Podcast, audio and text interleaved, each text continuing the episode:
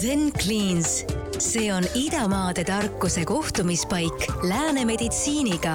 efektiivne ühepäevane organismi sügavpuhastav kuur, mille eest sinu keha sind tänab. Zen Cleansi tooted on sada protsenti taimsed, GMO vabad ning mida Eesti arstid toetavad. teadlikumad valikud, rohkem tervist ja parem elu tere tulemast kuulama järjekordset Senglens Eesti podcasti episoodi, mina olen Kris. ja mina olen Maarjus, tere, tere. tere, Maarjus. tere, Kris. et äh, jaa, oleme taas kord jälle stuudios salvestamas järgmist äh, loodetavasti ja eeldatavasti järgmist põnevat vestlust ja ma loodan, et äh, ka sulle, hea kuulaja, see vestlus ei teagi, toob mingeid mõtteid mõtteid toob ta kindlasti. kas ta sind muudab, seda me ei saa garanteerida, aga, aga mine tea, see on sinu enda otsus. et aga, aga jaa, ilma pikema sissejuhatuseta ma teen tutvustuse tänase saatekülalise kohta ja, ja lähme siis selle mahuka saate sisu või teemakäsitluse juurde, milleks on siis tõesti täna suures laastus taimetoit, üleüldiselt toitumine tervis äh, läbi toitumise või toitumisest lähtuvalt ja kindlasti puudutame ka veganlust kui terminoloogiat või, või mõistet või, või silti ja, ja kindlasti räägime ka eetikast ja keskkonnast. miks need valikud on sellised, miks inimesed valikud teevad, miks ka sina võiksid võib-olla sellele valikule mõelda või miks sa oled selle varasemalt mõelnud ja mis võiks olla põhjused ja nii edasi. nii et äh, ja tänase saate külaline siis Senglens Eesti podcastis on Eliis Salm, kes on koolitaja, Eesti Vegan Seltsi toitumisnõustaja ja Tallinna Tehnikaülikooli turunduse ja majanduse valdkonna lektor. lisaks õpetab ta eetika, vastutuse ja jätkusuutlikkuse kursust magistriprogrammides ning koordineerib TalTechi rohetegevusi. Eliisil on kõrgharidus terviseedenduses, spetsialiseerudes toitumisnõustamisele. ühtlasi on tal turundusalane magistrikraad fookusega tarbijakäitumisel ning kommunikatsioonil. ja täna pakub ta siis Eesti Vegan Seltsile toitumisnõustamise teenust mis on mõeldud neile, kellele pakub huvi taimne toitumine. Nende seas on neid, kes teevad alles esimesi samme veganluse rajal või kes on juba pikaajalised taimtoitlased. kuid mingil põhjusel on mures, kas menüü on piisavalt täisväärtuslik või kas ma toitun piisavalt toitainerikkalt. Eliis on koostanud hulgaliselt täistaimseid menüüsid, koolitanud tervisliku taimetoitluse osas vegankokkasid Tallinna Teeninduskoolis ning viinud läbi mitmeid tervise ja toitumisega teemalisi loenguid koolides, kõrg- ja ametikoolides ning tuntud Eesti suurettevõtetes. Nonii Eliis, tšau jälle! tervist! et äh, tšau jälle sellepärast, et Maarjus äh, täna esimest korda Eliisiga siin näost näkku suhtleb, mina mhm. juba Eliisiga tutvusime või noh, me oleme siin rohkem kui tutvunud juba, niisugune tunne, et, äh, et, et peaaegu, et noh, elame koos juba, et aga, aga kui on huvi, siis Kris Kala podcast'i alt leiad ka Eliis Salmiga ühe ühe siukse tagasihoidliku kolme tunni pikkuse podcast'i, mida salvestasime, nii et kui tänasest jääb väheks ja tahad veel, eh, siis võid minna kuulama, ma olen andnud endast täna parima ja, ja et luua see kondikava natuke teistsugune võrreldes eelmise saatega, loomulikult mingid teemad siin kindlasti kattuvad ka, aga suures pildis mulle tundub, et me natuke oleme teistsuguse nurgaga lähenemas ja loomulikult täna ka Maarjus meie pundis, kes lisab siis äh, sellesse võrrandisse juurde natukene varieeruvust ja vürtsi ja, ja, ja putitab meid siis erinevate koostisainete küsimustega mm,. annan endast parima. tuleb sihuke mõnus segu mm. -hmm. et aga hakkame pihta, Eliis, sellest, et äh, põgusalt teeme siin siukse kiire ülevaate, et, ähm, et enne kui lähme korraks eetika juurde ja moraali juurde, et räägime korraks sinust, et the beginning ehk siis algus, äh, miks toimus muutus, äh, kas sulle pole liha kunagi meeldinud, oled sa alati olnud ma ei tea, lihaarmastaja, loomade armastaja, mis toitu sa oled söönud, miks need valikud, kus sa jõudsid sinna, et just taimetoitlus on see, millega tahad äh, enda keha toita, eks ole. ja, ja kust see otsus on nagu tulnud sinu jaoks? no ma arvan, et ma olen niisugune tavaline eestlane, kes on sündinud segatoitlaste perekonda ja söönud äh, kogu oma nii-öelda mingi osa oma elust äh, loomset toitu, sellepärast et seda on alati tehtud, nii nagu need normid meil on et, et ikka pannkooki tehakse munaga ja ja praad ei ole täiuslik, kui seal ei ole liha ja ma olin väga suur lihaarmastaja lapsena. et aga samas ma olin ka väga suur loomaarmastaja, mis oli noh, nüüd mõeldes on hästi imelik selline konflikt seal, et et noh, arvasin, et peab ja et on tervislik ja et nii nagu ma arvan, et hästi paljud inimesed täna ikka ka mõtlevad, et, et see on see, mida alati on tehtud ja mida peab tegema. aga minu, ma arvan, selline muutus oli äh, kõige sellisem silmatorkavam siis, kui ma hakkasin äh, tegelema lemmikloomadega rohkem. et mu ellu tuli, äh, enda ellu tuli üks selline hüljatud kass, kellega ma hakkasin tegelema ja siis ma olin kassiorganisatsioonides vabatahtlikuks ja, ja siis ma hakkasin rohkem uurima, kuidas siis loomakaitse asjad Eestis käivad. ja, ja lõpuks ma siis kuidagi viisin otsad kokku, et et tegelikult ei ole eriti suurt vahet, et miks, miks ma oma kassi ja koera nii väga armastan ja kuidagi saan aru, et tal on emotsioonid ja millal ta on rõõmus ja millal ta on kurb ja ja, ja kuidas ma siis nagu neid teisi nii-öelda neid anonüümseid loomi äh, pean kuidagi väga teistsuguseks, et, äh, et see, et ma teda ei tunne, ei tähenda seda, et ta ei peaks äh, samu emotsioone kogema. Sa pead silmas siis hetkel neid loomi, mida me nii-öelda siis sööme, kanad, lihad, kanad, munad, kanad, sead, põrsad, mis iganes veel, kalad, asjad. jah, põllumajandusloomad. Mm, -hmm. et ma arvan, et et see seose tekitamine sinna, et, et need emotsioonid on meile kõigile ühtemoodi omased, et me ei ole vahet, mis liigist me oleme, et noh, imetajatel veel eriti, et see on, sa näed ju silmaga, eks ju, sa kõigil, kellel on koduloomad või, või lemmikloomad, saavad aru, et nendel Nad on samamoodi isiksused, eks ju, et iga kass, koer on erinev, nad kõik kogevad rõõmu, kurbust samamoodi nagu me ise ja see, et me lihtsalt ei tunne äh, isiku, isikuliselt äh, mõnda looma, äh, keda me sööme, minu arust ei ole nagu piisav põhjus selleks, et äh, tema nii-öelda üle valitseda. et selle seose tekitamine, ma arvan, oli see, mis ma mõtlesin, et miks ma ei võiks proovida siis kuidagi teistmoodi toituda, sest et siis mu ellu tuli ka rohkem neid inimesi, kes olid, ma varem ei olnud muidu ühegi taimetoitlusega kokku puutunud, mis on väga kummaline et täna ma arvan, on äh, neid inimesi tegelikult vähe, kellel ei ole tutvusringkonnas äh, taimetoitlasi. pea võimatu vist noh, tunduks imelik, et äh, kellega sa siis nagu läbi käid, kui, kui sul ei ole taimetoitlast sõprusringkonnas. et nüüd mulle tundub, et et on lihtsam ka kõik see, kõik see proovimine, et siis sellel hetkel mu jaoks muutus see lihtsaks, sest mu ellu tulid inimesed, kes juba olid veganid ja, ja siis ma otsustasin, et ma proovin ise ka ja hakkasin uurima ja siis läksin õppima seda, et miks siis see terviseargument äh, tundub, et on mingi asi, mida inimesed toovad välja, miks meil on kogu aeg räägitud, et, äh, et liha peab sööma, et kuidas, kuidas siis mõned inimesed saavad niimoodi, et ei söö, ja noh, minu, minu siis nii-öelda algus on, on puhtalt nagu eetika baasilt, aga kui sa hakkad seda teemat uurima, siis lõpuks sulle avaneb selline kirju maailm, et et miks seda infot ei ole sulle räägitud, eks ju, et, et millised on tervisemõjud tegelikult, millised on keskkonnamõjud, noh täna me näeme muidugi, seda tuleb üha rohkem äh, mainstream mhm. meediasse ka, sest seda on võimatu tegelikult äh, nii-öelda vaka all hoida, aga neid uuringuid on nii palju. aga, aga noh, minu, ma olen seitse aastat äh, vegan olnud, et siis, isegi siis ei olnud seda infot niimoodi kätte saada, nagu ta täna on ma siin täna saan Maarjusega mõlemad, ma püüan ka, kuigi ma olen väga, kuulajale ka, ma olen väga kallutatud on see võib-olla õigem sõna eesti keeles äh, taimetoidu poole, kuna ise olen ka sellel äh, dieedil või selle toiduvaliku teinud, aga, aga ma püüan täna ka küsida meelega sind provotseerivalt mm. küsimusi ja Maarjus teeb sama. Maarjus teeb meelega mm. -hmm. aga, aga mul tekkis küsimus ka juurde, et okei okay,, sest minult küsitud seda ja ilmselt ka sinult. okei okay,, me räägime eetikast, sellest, et äh, loomadel on tunded, emotsioonid, eks ole, aga, aga taimed?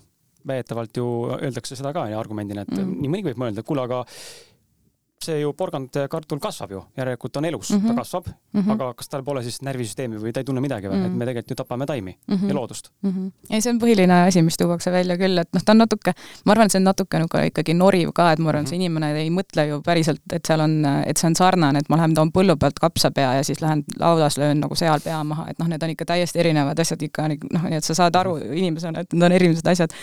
aga loomulikult taimedel on ka mingisugune refleks, nad pööravad eks valguse poole ja, ja nad on, kasvavad ja arenevad, aga, aga see ei ole, neil ei ole kesknärvisüsteemi ja nad ei tunne valu sellisel kujul, nagu me väga selgelt teame, et imetajad või loomad tunnevad.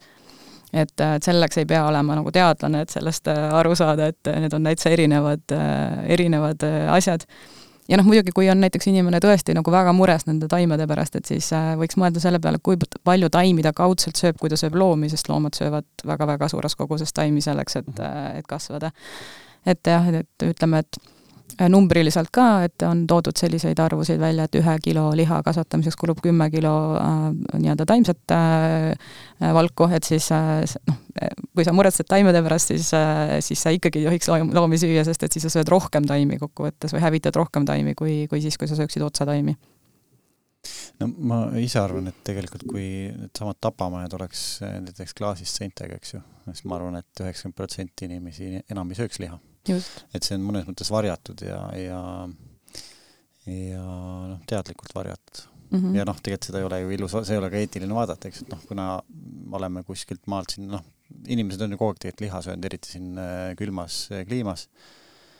kui äh, korjata midagi ei olnud, lasti mammut või, või, või mingisugust ulukit ja söödi seda. aga ma äh, küsiks hoopis sellise küsimuse, et, et kas, äh, kui sina nii-öelda veganiks läksid või hakkasid taim, taimselt toituma, et kas sul nagu õnnestus see kohe, kuidas sa ennast tundsid ja, ja nüüd, kui sa oled inimestega töötanud, kes tahavad nii-öelda muutuda, et äh, kas see sobib nagu päevast number üks kohe kõikidele inimestele või, või mitte või kuidas see protsess käib, et, et nii-öelda inimene ja inimese organism harjuks sellega, et ta nüüd sööbki ainult taimset ja enam nii-öelda mujalt äh, vajalikke toitaineid ei tule, näiteks äh, rasvhappeid kiirelt või noh, ühesõnaga see ainevahetus peab ka mõnes mõttes muutuma kuidas mm -hmm. sa näed seda mm? -hmm. no see, ma arvan, et see on nagu iga muu muutusega, et tihti need muutused on äh, järk-järgulised, mitte et ta peaks olema järk-järguline, aga ta lihtsalt äh, juhtub niimoodi, et ta kujuneb järk-järguliseks, et noh, näiteks ega ma võin väga selgelt öelda, et et ega ma ei saa öelda, et ma oleks kõik need seitse aastat olnud nagu sada protsenti täistaimsel toidul, sest et seda juhtub. no niimoodi, et sa ei pruugi isegi teada, et sul on kuskil toidu sees äh, ootamatult mingi komponent, mida sa arvasid, et seal ei ole. Et, et selles mõttes seda nii, nii või teisiti on nagu keeruline garanteerida, ma arvan, et seda ei ole ka vaja võib-olla eriti alguses nagu nii äh, tõsiselt võtta, kui peaks juhtuma, aga, aga põhimõtteliselt äh, ka selline äh, üleminek on noh, öeldakse näiteks ka suitsetamise, suitsetamise puhul ja mahajätmise korral, et tegelikult on sul kaks varianti, et on nii-öelda see cold turkey, et sa päevapealt lõpetad või siis on nii, et sa vähendad, et sul see sõltuvuse faas nagu läheks väiksemaks.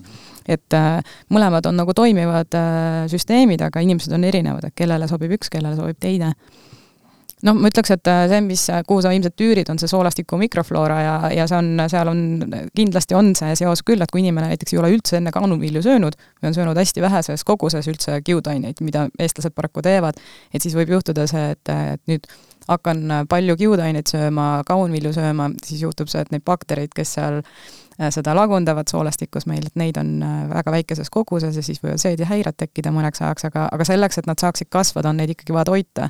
ehk et meil on vaja anda neile seda, seda kiudainet, et, et nad saaksid areneda ja tulevikus see probleem oleks väiksem. et see tavaliselt muutub tegelikult paari nädalaga juba. et ei pea tingimata nii-öelda planeerima oma toitumise muutumist äh, Äh, järk-järguliseks, et seda võib teha küll üleöö. Aga siis võib juhtuda nii, et on niisugune puksutamine vahepeal.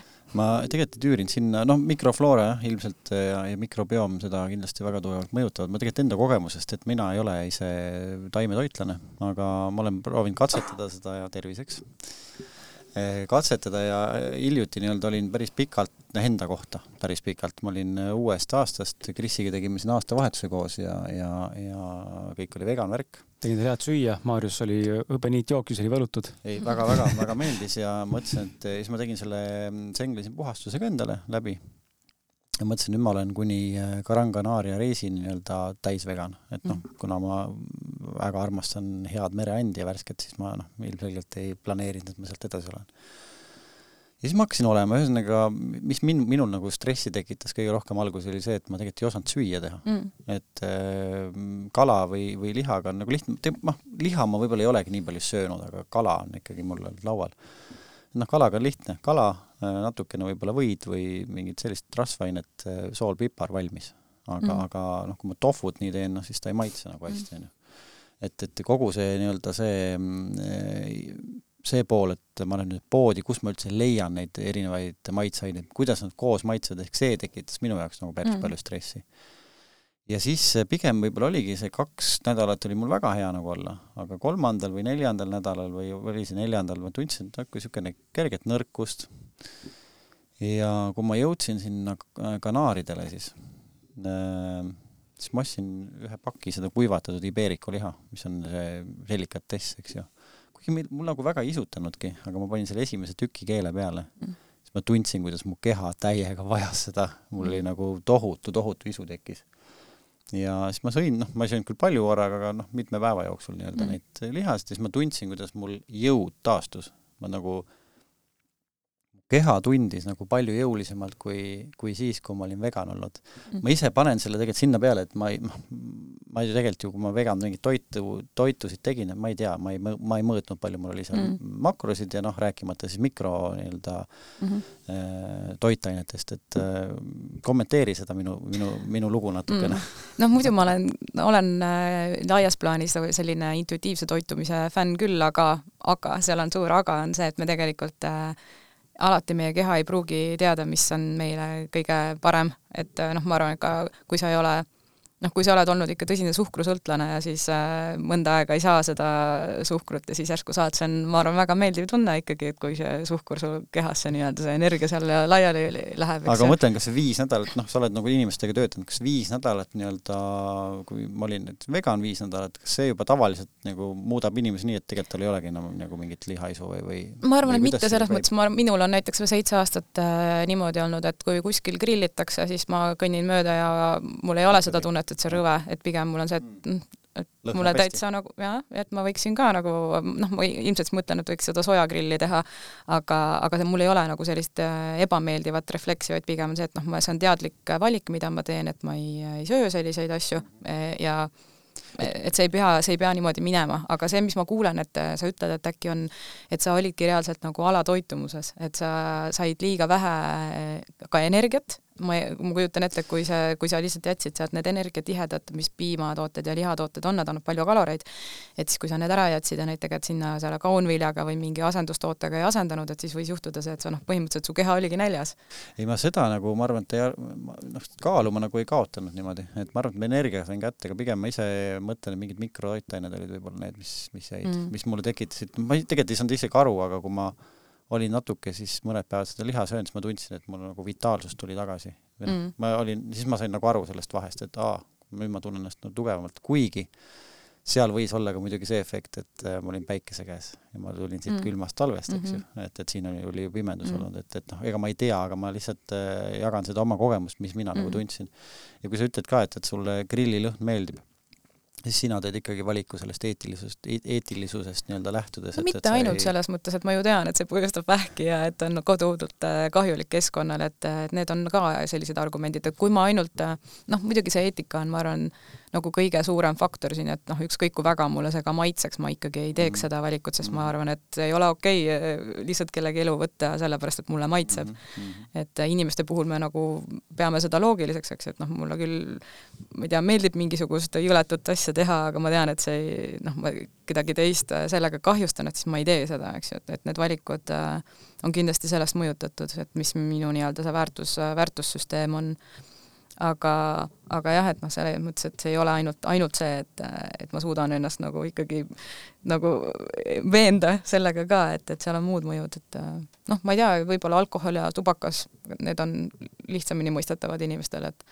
et ma ei tea, alkohol on paljudele inimestele väga meeldib, aga aga siis ühel hetkel otsustatakse, et ma ei, ma ei pea seda nagu vajalikuks oma tervise seisukohalt, et siis noh, ei ole maitse või kogemuse küsimus, vaid see, et ratsionaalselt sa tead, et see on sulle kahjulik mul tekib juurde siin küsimus äh, just sellesama teema puhul, et noh, vaat see on hea näide, et sul, sul ei teki vaata seda vasturefleksi nii-öelda onju, minul grilllõhn iseenesest sihuke okei okay, aga mõnikord, kui ma tunnen ikkagi mingi praetud peekoni, mulle, noh, mulle reaalselt mulle see ei meeldi, mul pole kunagi mm. peekonit söönud onju. ja mul on nagu kohati nii emb kui teine, aga, aga mis ma nagu, endal tekib see mõte alati, küsimus juurde ongi see, et et okei okay,, eh, on allikad, kes väidavad, et mingis koguses liha on okei okay,, onju, ilmselgelt me oleme siin enne ka puudutanud Siim Landi siin saates onju ja tema on hea näide selle koha pealt, et kui ennast optimeerida läbi erinevate toiduvalikute, toidulisandite, võib-olla mingite harjumuste, mingite muude asjade onju, et siis justkui tundub, et tal on erinevad eh, need eh, kasva ja vähi tekitavad hormoonid on kõik balansis, eks ole, mingid näidud on korras, vereanalüüsid on korras,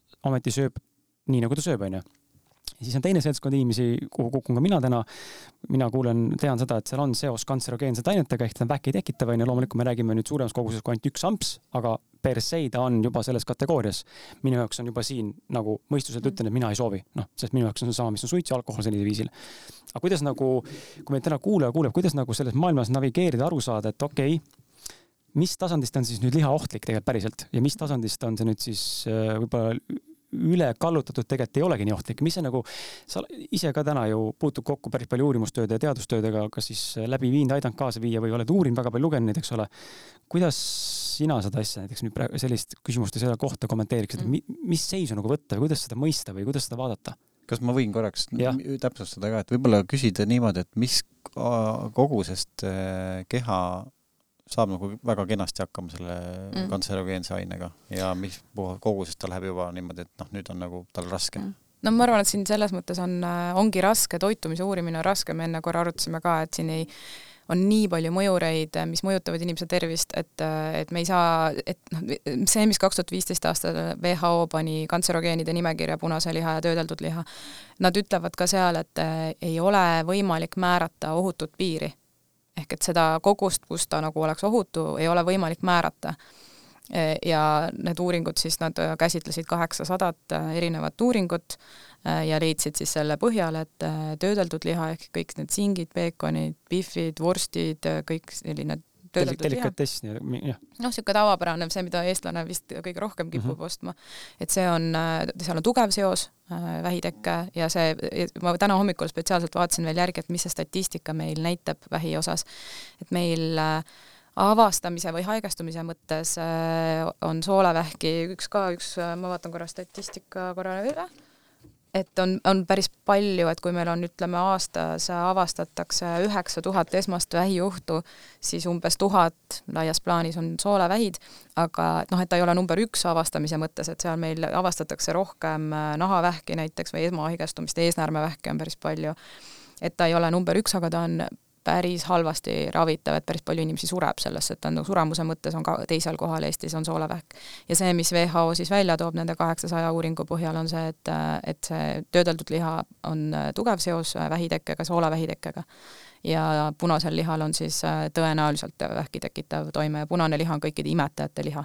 et seda me siis nüüd täna teame väga selgelt et äh, nii-öelda linnuliha, kalaliha täna, ei ole piisavat tõendust, et öelda, et ta on vähki tekitav, aga punasel lihal on see tõendus olemas. et noh, me võiksime samamoodi, noh, minul tekib küsimus, et millal meil tulevad hoiatussildid nagu tubakal on peal, sest et ta on samas kategoorias, kus on tubakas ja kopsuvähiga, kopsuvähk on meil väga halb, väga palju esineb ja ja väga halvasti nii-öelda ravitav, et väga palju inimesi sureb kopsuvähki et äh, seal meil on hoiatussildid peal, aga lihal ei ole. et me ei tee seda, seda valikut äh, sugugi ju tegelikult äh, teadlikult, et noh. või siis mul tuleb praegu kohe selle Covidiga nagu väike niisugune seos, et võiks ju uudistes ka alati, et täna tapeti üheksa tuhat nelisada kakskümmend kaheksa veist ja kakssada nelikümmend lammast, näitad mm -hmm. neid pea, päid ka, mis on võib-olla oi, aga need on nii alahinnatud numbrid muidugi. aga no ikka jah. jõhkrad numbrid ja kohutavad numbrid. et noh, et või noh, Eestis näiteks, et, et siis hakkabki inimene mõtlema, kurat, aga ma võib-olla ei taha kaasa lüüa selles jah, aga me rääkisime selles eelmises podcastis, minu arust oli niimoodi, et kui maailmas on kaheksa miljardit inimest, siis äh, kas oli kaheksakümmend miljardit äh, me arutasime välja, see oli kahe, see oli kaheksakümmend miljonit. see oli olematu miljard... protsent oli see. mida me arutasime? me arutasime mitu looma e... inimeste selle populatsiooni pealt no see oli selles mõttes, et nagu räigelt, räigelt palju. see oli kaheksakümmend mm -hmm. miljonit minu meelest, kui ma õigesti arvutasin, see oli mingi protsent sellest populatsioonist, me saime tea, nagu loomadest aru, mis tapetakse. mis ta oli siis? minu meelest on kaheksa, kaheksakümmend miljardit äh, looma aastas ja noh, inimesi on kaheksa miljardit, aga ma võin praegu ajada. okei okay,, aga see oli kolossaalne number selles mõttes mis aastas nagu hukatakse tegelikult. no võib-olla jah, kui sinna ka kanad ja kõik siuksed lähevad, siis küll. ainult kalu ei ole, kala ja kalaku kala. juurde panna, minu meelest siis, siis oli mingid äh, mitmed sajad mm. miljardid, et, et noh, see on üüratu. võib-olla isegi oli rohkem, aga nüüd ma juba olen peast välja lasknud selle arvu. aga mul jäi midagi vastamata, aga mul läks see küsimuse algus meelest ära kas jäi vastamata?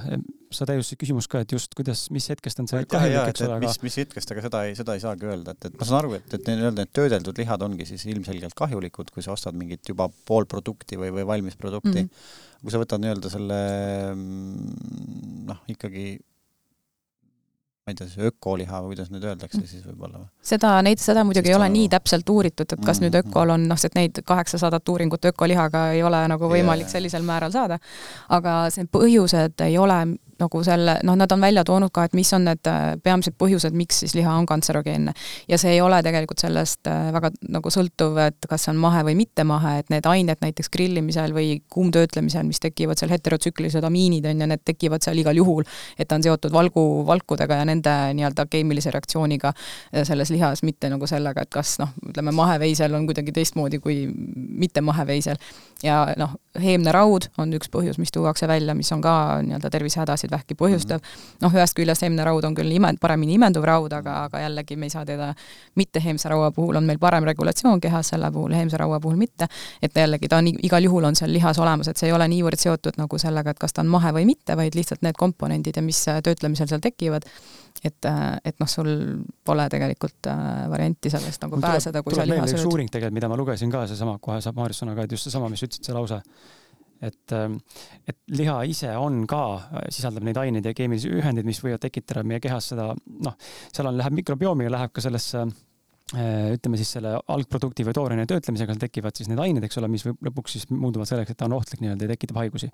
aga seal toodi välja sama fakt, et see, see viis, kuidas me töötleme, just see grillimine ja see mustaks noh, praadimine nii-öelda või grillil olek on ju, see on see, mis tekitab talle selle tugeva kantserogeense nagu jõulise mhm. kihi ümber nii-öelda. no seda kantserogeenset ta on, selles mõttes, et see ei ole ainult äh, grillimine, et noh, igasugune kuumtöötlemine tekitab, tekitab seda aga grillimine veel eriti, jah. ja siis tekkis küsimus, et aga taimedel läheb ka, vaata grilli paned süsil, süsi peal kuskil paned mustaks, eks ole, aga taimedel ei teki, sest taimedes ei ole sees seda ainet, mis muutuks kantserogeenseks endaks ise jah, et see on see valgu amiinide teema nagu rohkem äh, see, mis nad välja toovad, aga muidugi seda on ka räägitud, et et ega see grillimine, see mustaks kõrvetamine ei ole ka tingimata nagu tervislik, et seda on isegi kartuli puhul välja toodud, mul nüüd, äh, ma ei saa kohe öelda seda ühendi nimetust, aga, aga sellest on enne ka räägitud, et, et see ei ole ainult nagu, see kõrvetamine ei ole ainult, äh, ainult liha teema, aga et teistel, aga siis on teistsugused ained, mis tekivad jälle, see, mis, mis põletamisega on seotud või kõrvetamisega on seotud. mm. -hmm aga noh, tegelikult ma ei, sina ilmselt tead paremini, mis ajast see vähi esinemine, üldse vähkide erinevate vormide esinemine on tohutult kasvanud inimkonna hulgas, eks ju. et, et siin ei saa ju kindlasti öelda, et see on ainult toitumisest, et kui ma mõtlen ka ma ei tea, sõjaaega või Teise maailmasõja aega ja, ja pärast seda, eks ju, et inimesed elasid vaesed, ainuke liha, mis oli, oli soolaliha, mis pandi nii-öelda, siga tapeti ära, pandi soola ja, ja võeti sealt siis nii-öelda välja seda, eks ju mm., söödi kartuli, porgandi, mis iganes mm. nii-öelda aiamaalt tuli ja liha oli tegelikult kogu aeg juures mm. ja noh, kui vaadata seal, palju siis inimestel vähki oli, no seda ei olnudki praktiliselt võrreldes praeguse ajaga, eks ju mm., aga siis muidugi ei töödeldud ju seda liha, võetigi nii-öelda keedeti, natuke võib-olla praeti ka. ma arvan, siin on no, siin on mitmeid äh, ja siin on mitmeid äh, võimalusi seda argumenteerida, et ma ei saa jälle öelda, et, et ma saaks mingi väga konkreetsele teadusuuringule selles osas viidata, aga minu arust siin on kaks, äh, kaks asja, millele tasuks mõelda, on üks on see, et meil on üldse haiguste avastamine muutunud täiesti, meil on täiesti teisel tasemel, et me oskame määrata, millesse inimesed üldse reaalselt surevad või haigestuvad, et ega see ei ole ka ju olnud nagu läbi aegade kogu aeg teada, et inimesed lihtsalt surid ära, mäletan, mul vanaema kunagi rääkis, et suri kreepsu, mis asi see kreeps on, noh, et see kõik, kõik, mis, millesse surid inimesed, järsku ootamatult oli mingisugune üks nimetaja, tegigi teadnud, kas ta sai infarkti või suri vähki või mingisse muusse asja.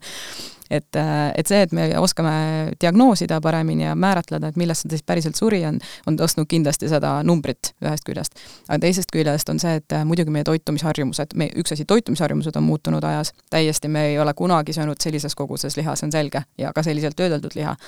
Aga me, meie muud äh, elustiili harjumused on ka muutunud, et noh, siin on see, mida tegelikult äh, alguses ma juba mõtlesin, et peaks rääkima, on see, et et mõnel juhul, miks mõni inimene siis nii-öelda sööb justkui palju liha ja tal ei ole probleeme, on need muud elustiili mõjurid ka. ehk et äh, sul on võimalik nii-öelda põgeneda mõnes mõttes oma halbade toitumisharjumuste eest, kui sa teed teisi asju väga hästi, mis su tervist mõjutavad.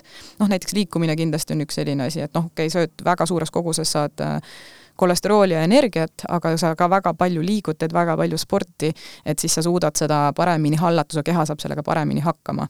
noh, neid asju on veel toodud välja, näiteks et piimatoodetel on leitud, eks ju, täna, et äh, põhjust, noh, hormooni, hormoonsüsteemiga seotud vähkide seoseid on hästi palju välja toodud, aga näiteks hapu, hapendatud piimatoodetel on justkui nagu positiivne tervisemõju. aga miks ta, miks siis selgitatakse seda, kuidas siis nagu piimatoodetel üldiselt nagu et noh, et nii ja naa, on ju, et näeme neid negatiivseid uuringuid, aga hapendatud piimatoodetel nagu pole. ehk et seal tuuakse välja see probiootiline mõju jällegi. no kuna... keefir, keefir üks näide, jah. just, et meil selle piimhappebakter nullib, noh, ta saad selle miinuse sealt küll sellest piimatootest, aga see piimhappebakter nullib seda miinust, ehk kokkuvõttes ta jääb nagu plussi. aga selle mhm. asemel, et seda probiootilist mõju, eks ju, me võiksime seda saada hapukapsast või hapukurgist, et küsimus ei ole mitte see, et mis sa sealt piimast saad, vaid et sa saad, noh, et see probiootikum on, on see, mis on, või see bakter on see, mis positiivset mõju avaldab. et me ei saa alati noh, me ei saa panna sinna seda näppu peale, nii keeruline on seda aru saada täpselt, et mis see üks konkreetne aine seal võib olla ja kuidas see ühte või teist inimest mõjutab, sest neid mõjureid on nii palju. et selles mõttes ähm, noh, me korra arutasime ka enne, et äh, oluline on vaadata nagu suurt pilti, et üksikud uuringud võivad meile näidata mida iganes ja sellest ka palju räägitakse, et et noh, kui me hakkaksime näiteks vaidlema mingil teemal, sina tuled ühe uuringuga, mina tulen teise uuringuga, siis me täiesti vastupidiseid tulemusi, me leiame kindlasti need uuringud üles, mis annavad täiesti sada protsenti vastupidiseid äh, tulemusi. aga mida tasuks vaadata või usaldada, on siis sellised ülevaateuuringud, metauuringud, kus, või siis ka niisugused hästi pikaajalised kohortuuringud, kus vaadatakse rahvastikku ma ei tea, aastakümnete jooksul vaadatakse, mida nad söövad, kuidas nad liiguvad, milliseid, äh, ma ei tea, sõltuvusaineid nad kasutavad palju nad magavad, palju neil stressi on äh, ja nii edasi, ja vaadatakse siis, et äh, kuidas nende tervis ajas muutub, et kas neil tekivad mingisugused haigused äh,, ja, ja noh, siis saab kaaluda, eks ju, millised elustiilifaktorid, milliseid, kui palju siis tõenäoliselt mõjutavad äh, tervist. aga noh, üksikuid toiduaineid on ikkagi hästi keeruline välja tuua, kuni selleni välja, et inimesed söövad neid üksikuid toiduaineid väga erineval määral, et ka veganid äh, söövad väga erinevalt tegelikult reaalsuses, eks ju. et äh, segatoitlane võib olla ka siis segatoitlane, kui ta sööb liha kaks korda aastas, eks ju, ja enamasti sööbki näiteks kala, eks ju, et tal on täiesti teised tervise äh, ilmselt näitajad, kui on sellel, kes sööb iga päev igal toidukorral liha et selliseid uuringuid on nagu raske teha, kus me saame päris täpselt öelda, et eh, noh, kahte ühesugust inimest ei ole, et noh, et mis see täpselt eh, mõjus. aga noh, ühe, mis ma tahaks võib-olla välja tuua, millest eh, palju ka on publitseeritud, on adventistide teine terviseuuring, kus on siis selline rahvastikurühm, hästi suur arv siis, minu arust on see sadades tuhandetes, keda nad jälgivad juba aastakümneid ja vaatavad siis, kuidas kuidas nende tervis ajas muutub ja nad erinevad, nad on muidu üsna sarnase tervisekäitumisega, et see on äh, siis selline kristluse liik, kus äh, inimesed äh, tegelikult ei tarbi eriti alkoholi või praktiliselt üldse ei tarbi, noh, et meelemürkidega on neil nagu hästi, nad teevad võrdlemisi palju sporti, noh, elustiil on üsna sarnane, käivad kirikus, stressitase on ilmselt madal, on ju. Et aga nad toituvad erinevalt, et seal on nii veganeid, täistaimselt toitujaid kui, kui siis ka selliseid äh, vahepealseid vegetaarlasi ja ka segatoitlasi ja siis on vaadatud, et kuidas haiguste esinemine äh, nende hulgas äh, siis on. Need on äh, ka osa, üks nii-öelda blue zone, üks niisugune -hmm. sinine, sinine ala, millest me rääkisime Kris sinuga seal teises podcastis ka, et sellest on raamatuid kirjutatud, neid alasid on tegelikult Eestis, Eestis, maailmas on veel. viis vist kokku. viis või kuus või taolist jah ja. ja., põhiala et äh, aga nemad, adventistid siis, äh, sealt tuleb välja see toitumise erinevus eriti hästi ja need erinevused on peamiselt just siis elustiili haigustes, äh, noh, mis, mis ongi number üks probleem meil, meie lääne ühiskonnas, kus meil tegelikult traumadesse sureb jumala vähe inimesi, ma vaatasin järgi, ma ütlen teile huvi pärast, et see on täitsa kummaline, kui, kui vähe meil on näiteks, väga huvitav, kaks tuhat kakskümmend üks statistika, kokku suri meil umbes niisugune kaheksateist tuhat inimest kellest siis pahaloomulistesse kasvajatesse suri umbes äh, peaaegu neli tuhat inimest. me räägime Eestist? see on Eesti, jah mm. -hmm. õnnetustesse äh, kokku suri alla tuhande inimese natukene sellest, äh, noh, siin on muidugi kõik surmad selles mõttes, aga inimesed ei sure nagu vanadusse, on ju, selles me oleme, seda me juba teame, et niisugust asja pole olemas nagu, et vanadus, et lihtsalt organism ütleb üles, tavaliselt seal on ikka mingi põhjus, kas see ongi vähk või mm -hmm. infarkt või, või noh, mingi muu põhjus, et need vanainimesed, kes surevad ära, nad surevad ikkagi ka tegelikult sellepärast, et organid ütlevad üles või neil on mingisugune haigus juba mm -hmm. nii kaugele arenenud. see on ka sellepärast, et me oskame lihtsalt liiga hästi diagnoosida täna. jah no, aga mis öelda, et ta lihtsalt suri vanadusse. suri vanadusse ära. aga mis, mis on huvitav siin, et näiteks liiklusõnnetustes suri eelmine aasta kuuskümmend kaheksa inimest.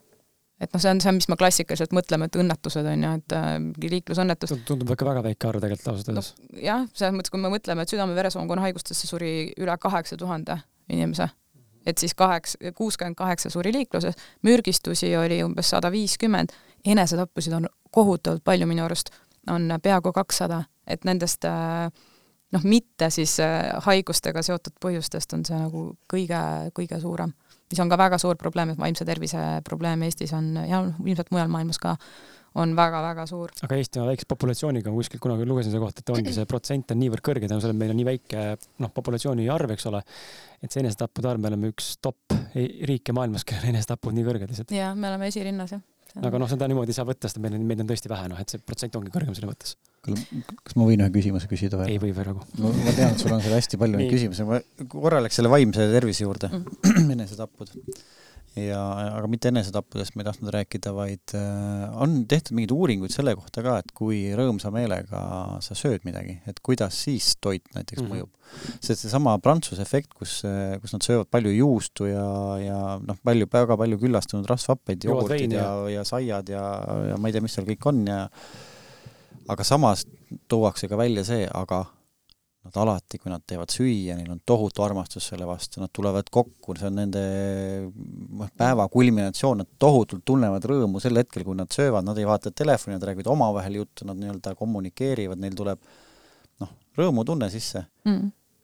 kui palju see mõjutab? Kindlasti mõjutab, see ongi, inimene on ju tervik, et äh, kogu, kogu nagu süsteem mõjutab seda, et äh, meil on võimalik mingitest halbadest harjumustest nii-öelda pääseda, sellepärast et äh, mingi teine faktor kaalub üles, et noh, kui ma arvan, et no see alkohol on nüüd ümber tegelikult lükatud, et need uuringud on nagu tulnud peale, et isegi väike kogus alkoholi tegelikult ei ole kasulik, aga, aga see, miks see noh, Vahemere ääres, eks ju, iga, võetakse seal õhtusöögi kõrvale klaas veini ja neil ei ole sellest nii selliseid tervisehädasid, nagu me võib-olla võiksime arvata, et alkohol siis nagu võiks põhjustada.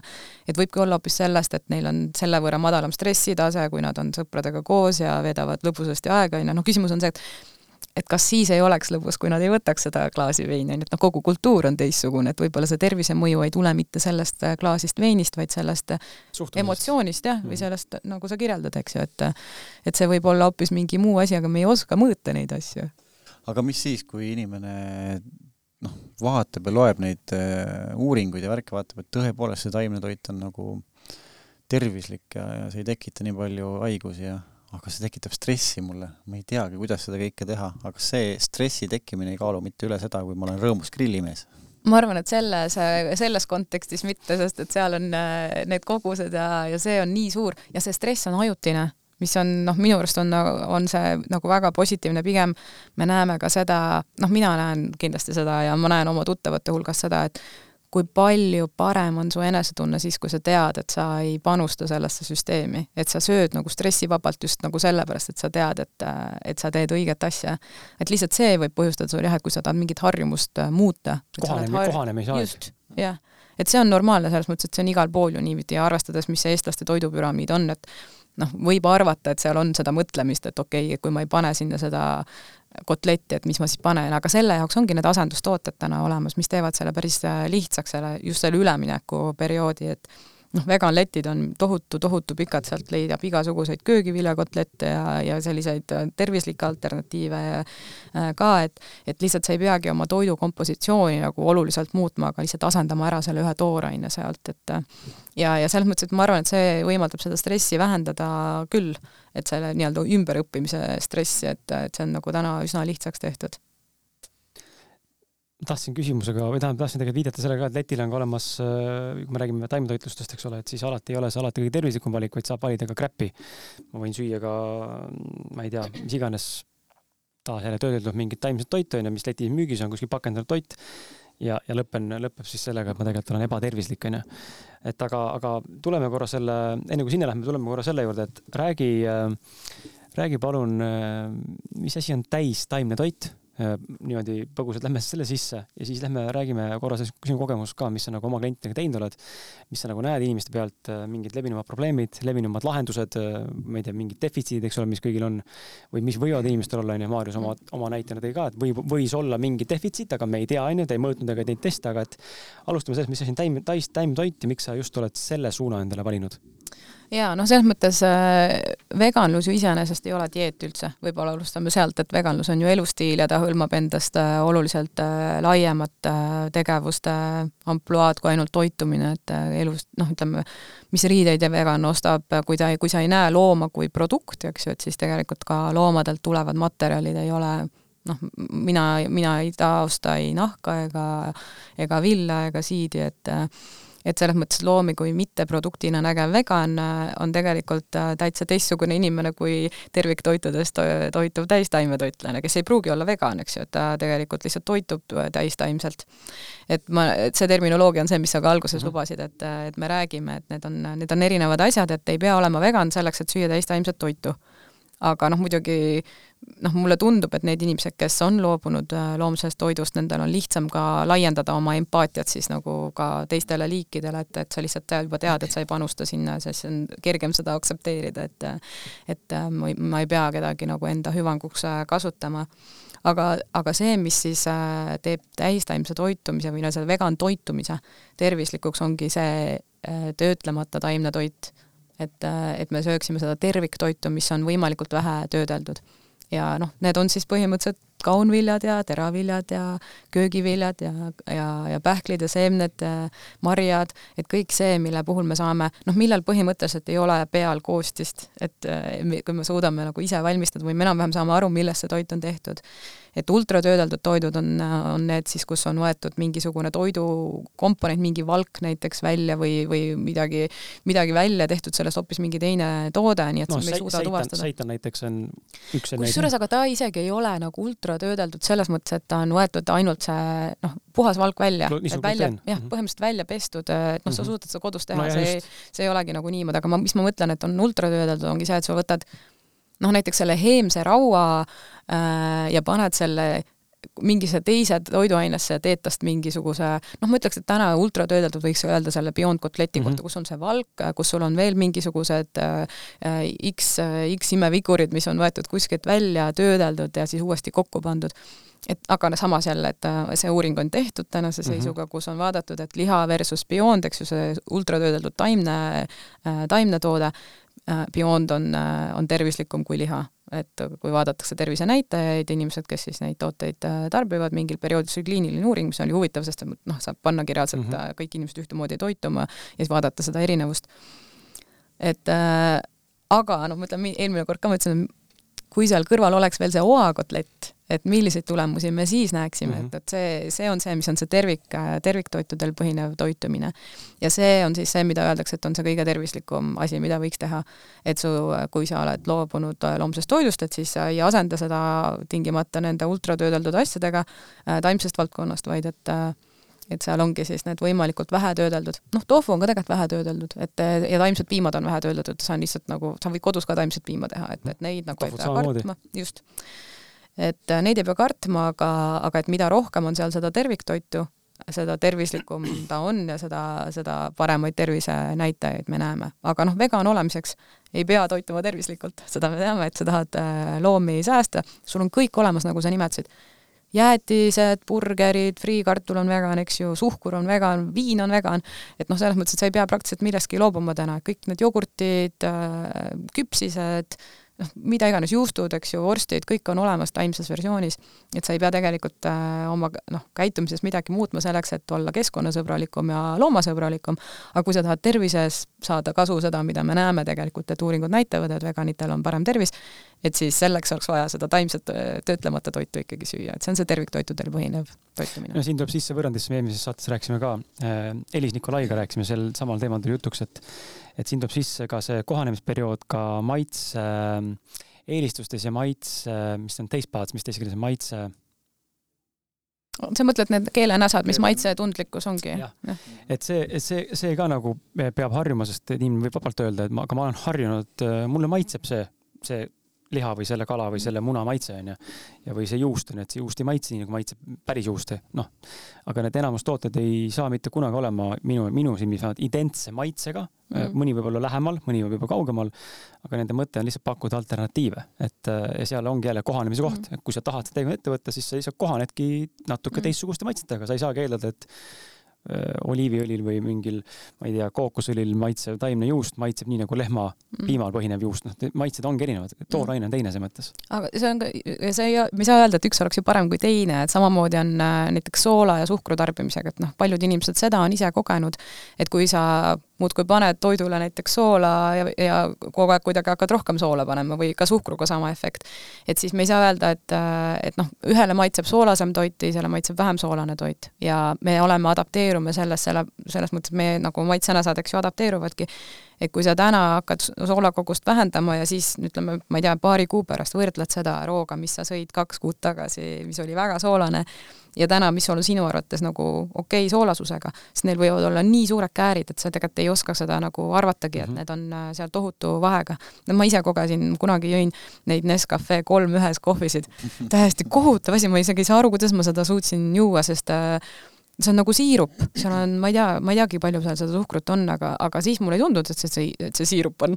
ehk et äh, see maitse, üks asi on, noh, kuidas me seda suus tajume, eks ju et, et mis meile maitseb ja mis meile, mis meile ei maitse. aga teine asi on veel see, et mis isud meil tekivad. Ja isud ju tulevad meil ka soolastikust, et see ei ole ka meil tegelikult, me ise ei dikteeri seda, mida me tahame süüa, et need bakterid sulle ütlevad, et noh, ma olen siin harjunud seda suhkrut saama ja nüüd ma tahan seda suhkrut, sest et meid on siin palju ja kõik tahavad suhkrut süüa, aga et selleks, et see, noh, minu soolastik täna küsib porgandit, mis on nagu väga kummaline, sest äh, ma ei saa öelda, et ma sööksin tohutult palju porgandit, aga mul reaalselt tuleb porgandiisu. Et äh, noh, ma ei mäleta, et mul oleks varem olnud seda laadi isusid, et pigem ongi noh, et isutabki mingisuguse šokolaadi või kommi järgi. aga et kui sa oled need suhkrubakterid nagu kontrolli alla saanud, kes seda suhkrut nõuavad, et siis ka isud muutuvad.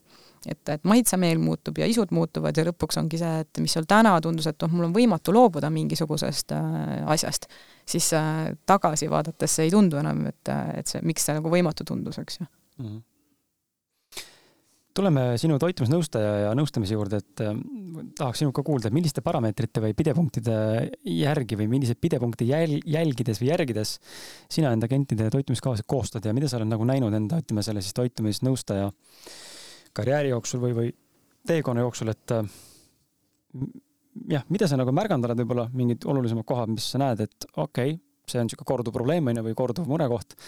ja, ja kuidas sina nagu sellele üldse lähened siis mm.?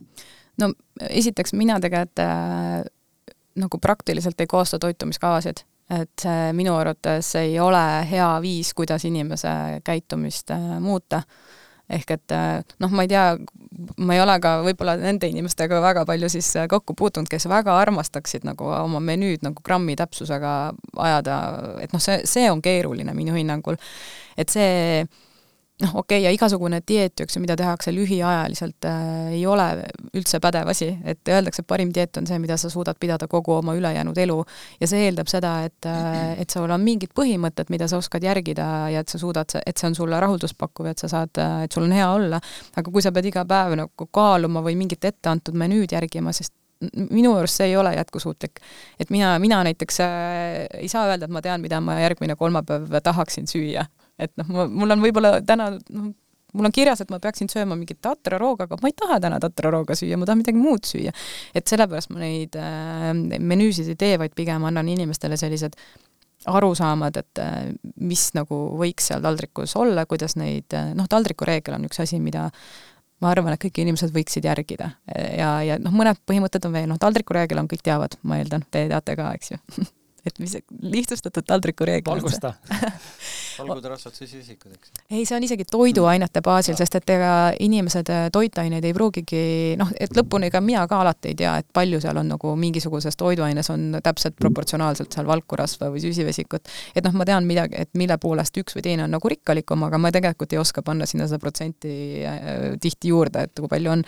aga mida inimesed võiksid teada, on see, et pool taldrikust peaks olema mingisugune köögivili või aedvili või selline, see võib olla värske töö või siis no ma ei tea, küpsetatud või hahutatud või mis iganes viisil äh, valmistatud köögivili, siis üks neljandik võiks seal olla sellist äh, teravilja, tärkliserikast äh, toitu, võib ka kartul olla.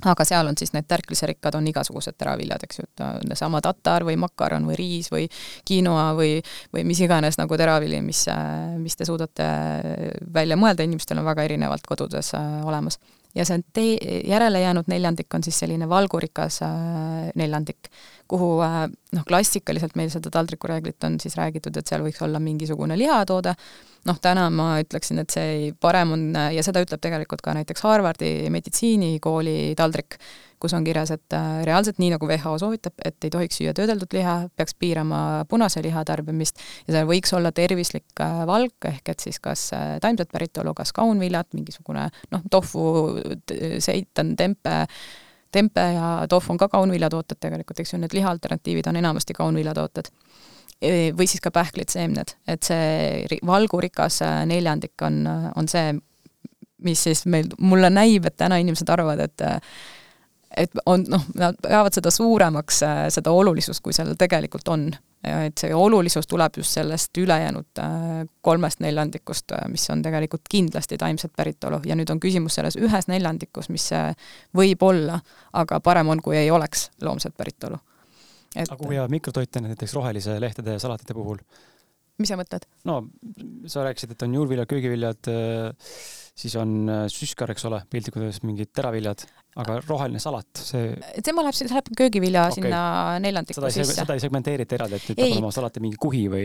ei, otseselt ei ole, et see võib olla nii värske kui töö, nagu mm -hmm. nii-öelda küpsetatud, et see ei, värske salat, noh, paljud arvavadki, et nüüd peakski sööma ainult nagu seda lehtsalatit, on ju, jah, maltsa. et tegelikult noh, kõik köögiviljad, porgandid, kaalikad, mis iganes meil siin Eestis on mm -hmm. niisugused äh, pärand nii-öelda, mida me oleme palju söönud, aga kõrvitsad äh,, tegelikult on täna poes, ma ei tea, bataadid, iga, igasuguseid huvitavaid asju asju on meil köögiviljana, eks ju, olemas, mida me saame sinna poolele taldrikule paigutada. aga see põhimõte, mida veel võiks siis nagu silmas pidada, on see, et et neid asju vaheldada, et me ei sööks kogu aeg siis seda makaroni, näiteks see mm -hmm. üks neljandik seal teraviljana, et see ei oleks kogu aeg makaron, aga et seal oleks võimalikult erinevad asjad käiksid ringi, et seal on seda tatart ja riisi ja kiinoad ja ja noh, läätsed, kaunviljad, need muidugi võivad sinna valgurikkasse osasse minna, et ka neid vaheldada omavahel, sest et ka läätsesid on juba, ma ei tea, viite erinevat sorti, eks ju, punased, pruunid, rohelised äh,, äh, ma ei tea, belugaläätsed äh,, ube on juba kümmet eri sorti, eks ju, sealhulgas aed, aetoad, mis meil siin Eestis äh, sama hästi kasvavad nagu põldoad. Et noh, hästi-hästi palju erinevaid variante, et neid võiks võimalikult palju vaheldada. Ja taldrik võiks olla võimalikult kirju et äh, hästi palju erinevaid värve, et siis me saame hästi rikkaliku valiku erinevaid fütotoitaineid ka.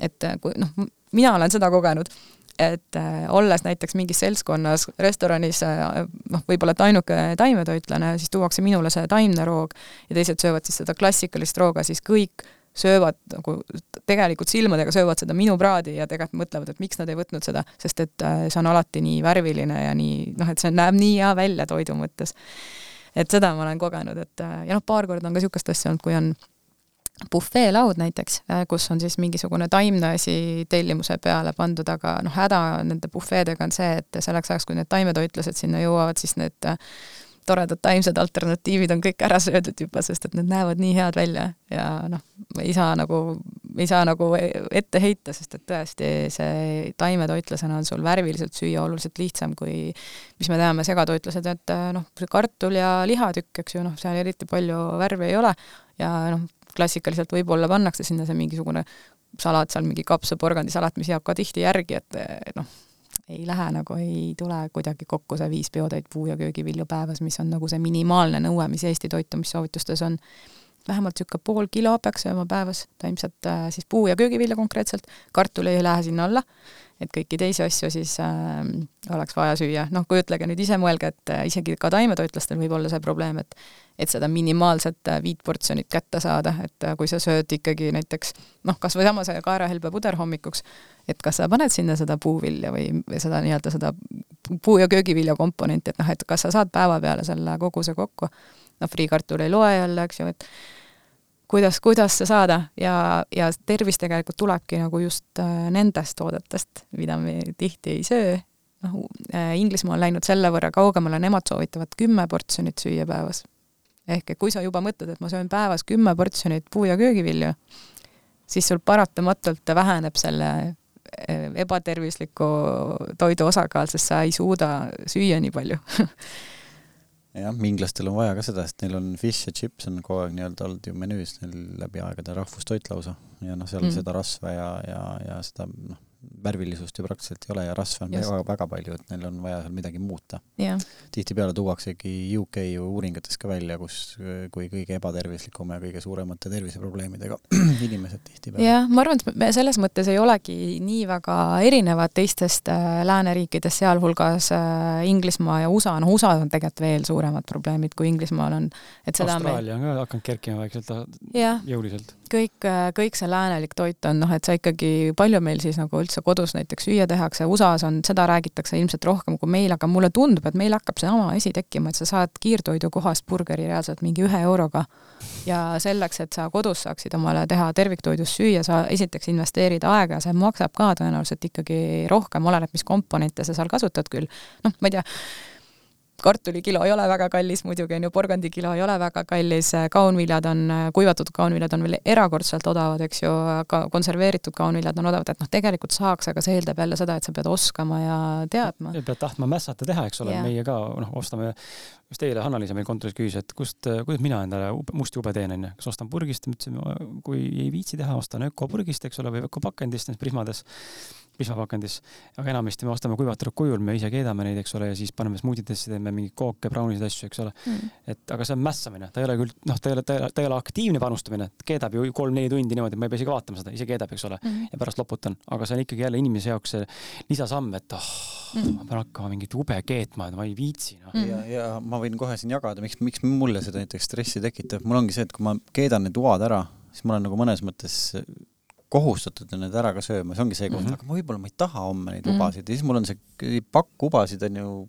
raisku läinud, ma tahan midagi muud, ma tahan go with the flow on ju, mul täna mm -hmm. mingi teise asja isu ja siis mul noh, siis mulle tekitab see kogu see planeerimine mõnes mm. mõttes nagu stressi, ma tean, eh, Kris, sa oled iseloomult selles mõttes täitsa teistsugune, et sulle meeldib just, et nii, ma teen tot-tot-tot, sul on mingi list ees, mulle meeldib, mulle meeldib. ma olen selles mõttes täitsa niisugune loov, et ah, ma tahan täna seda mm. teha, teist, kolme, ma ei taha nagu niisugust nagu taaka omale, et ma pean nüüd midagi tegema. no sulle sobib ideaalselt konserveeritud uba sellisel juhul ja vaata, see on äh, noh, tänases situatsioonis ka, kus meil räägitakse ju kriisivarudest äh, kodus, on see parim toit on taimne toit, mis on kas konserveeritud või kuivatatud, eks ju, et selles mõttes, et ta ei ole ju aegumist, põhimõtteliselt aegumistähtaega, aga kohe, kui sa ostad omale selle lihapaki koju, siis sa pead ka samamoodi selle ikkagi mingi aja jooksul ära tegema, aga selle või külma panema, sügavkülma, eks ole. ja tegelikult sama saab teha nende samade kaunviljadega, et, et see konservi ostmine on hästi mugav aga et kui sa oled, muretsed näiteks, et noh, see pakend, eks ju, üks asi on see pakendi tekkimine, teine asi on see, et me räägitakse ka, et ikkagi ta on seisnud seal selles äh,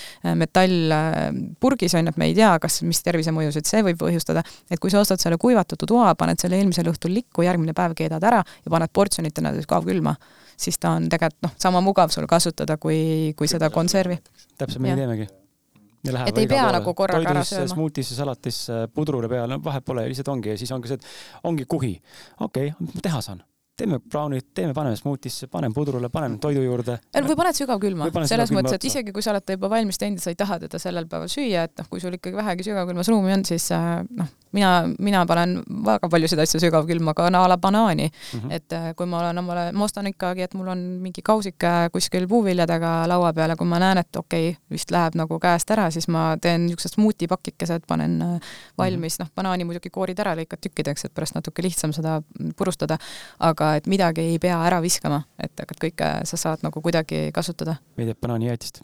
jah, suurepärane mm. -hmm. ma äh, korra mõtlen veel selle peale ka, et, et mis, mis, äh, mis mulle nagu niisugust tuska valmistab natuke, on see, et äh, kui ma lähen, ei ole nagu niisuguseid häid vegan kohti liiga palju.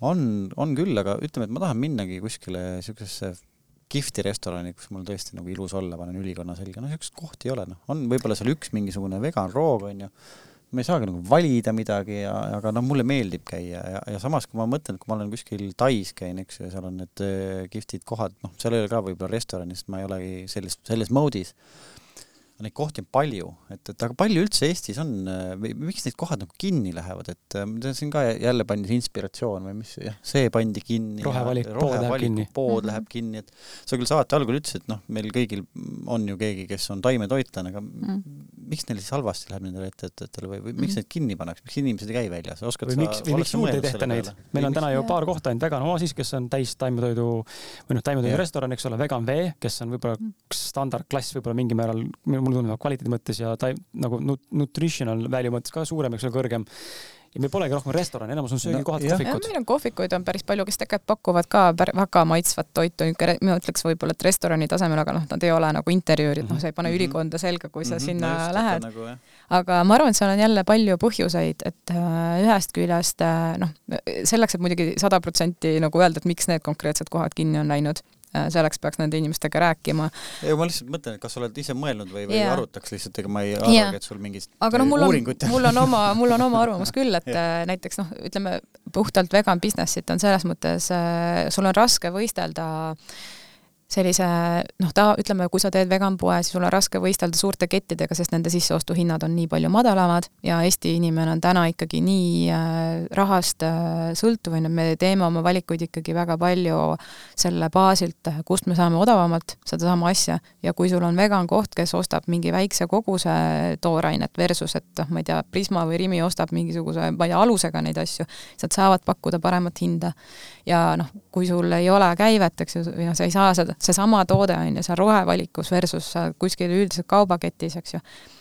noh, enamik inimesi ostab selle odavama sealt, kus seda on olnud odavam sisse osta. Pole midagi teha, et noh, selles mõttes sinna meil veel minna paraku, et et inimesed valiksid lihtsalt selle veganpoe sellepärast, et nad tahavad veganäri toetada, nad ei taha osta sealt ketist, kus äh, müüakse, noh, sa pead sealt seal liha vahes kõndima, on ju, võib-olla et äh, neid noh, et esiteks veganite arv on alles võrdlemisi väike ja noh, neid inimesi ka veganite hulgas on ikkagi väga-väga palju, ma ise valin ka selle, kus ma saan soodsamalt, et noh, noh, miks ma täna nagu arvan, et, et see on mulle nagu oluline, et ma ostan selle mm -hmm. taimse piima seal sooduspakkumise ajal omale mingisuguse portsu koju ära, selle asemel, et osta teda iga kord, kui ma poes käin, et noh, miks ma peaksin tahtma mingi ma ei tea, kakskümmend viis protsenti kogu aeg rohkem maksta mm, -hmm. kui ma saan seda soodsamalt.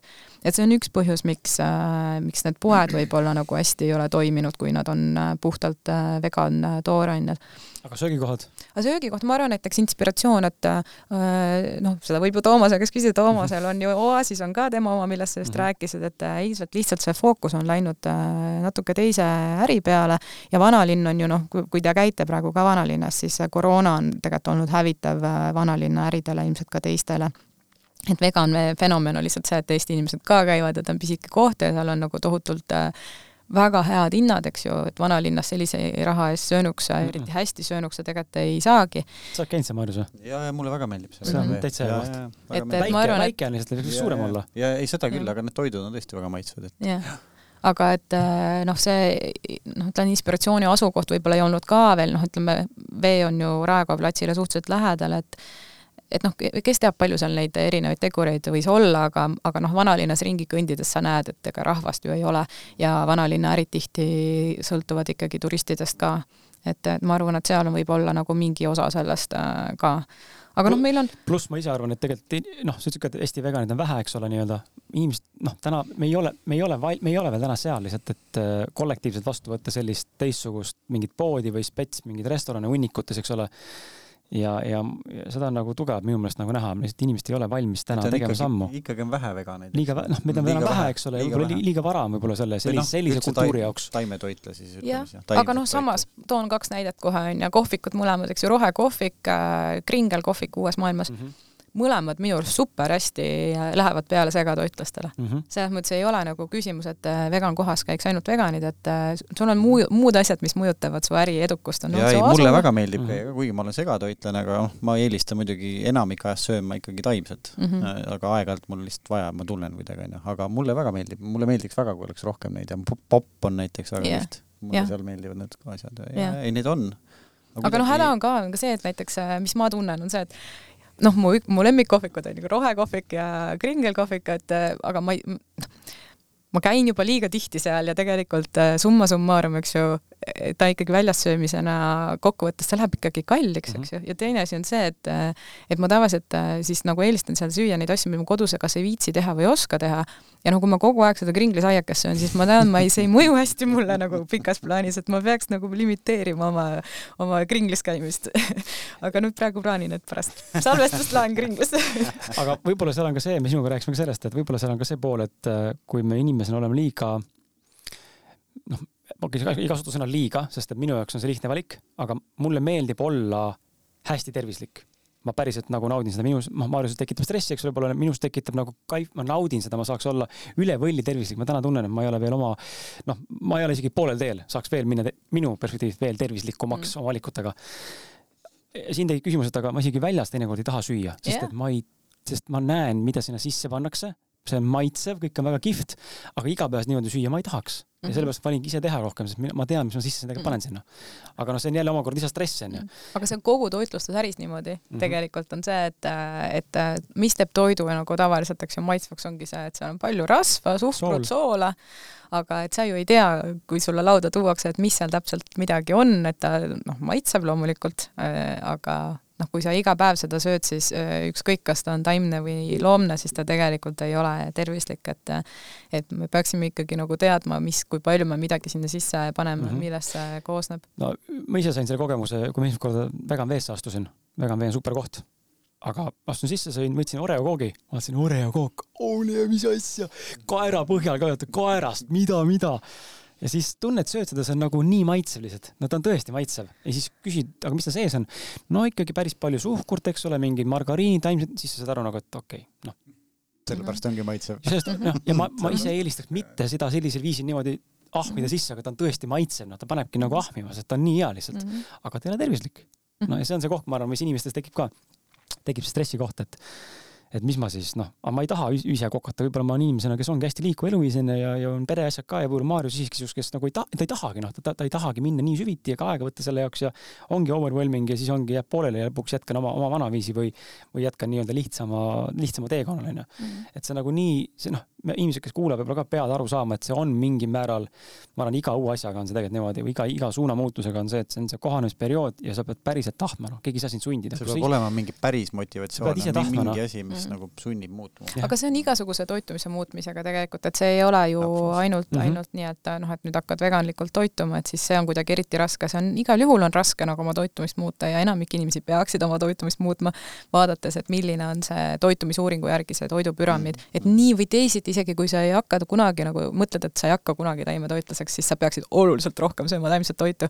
vähemalt noh, nii me näeme, et, et eestlased ei söö isegi, noh, väga palju eestlasi, ma vaatasin toitumisuuringust, kes ei söö üldse taimset, põhimõtteliselt puu- ja mm. köögivilju et nagu null köögivilju, et kartulit me ei arvesta sinna mhm. köögiviljade hulka, et siis äh, mõtled, et kus, noh, kuidas need inimesed üldse funktsioneerivad ja, ja noh, siit edasi tegelikult äh, neid toitainepuudusi segatoitlastel on mega palju.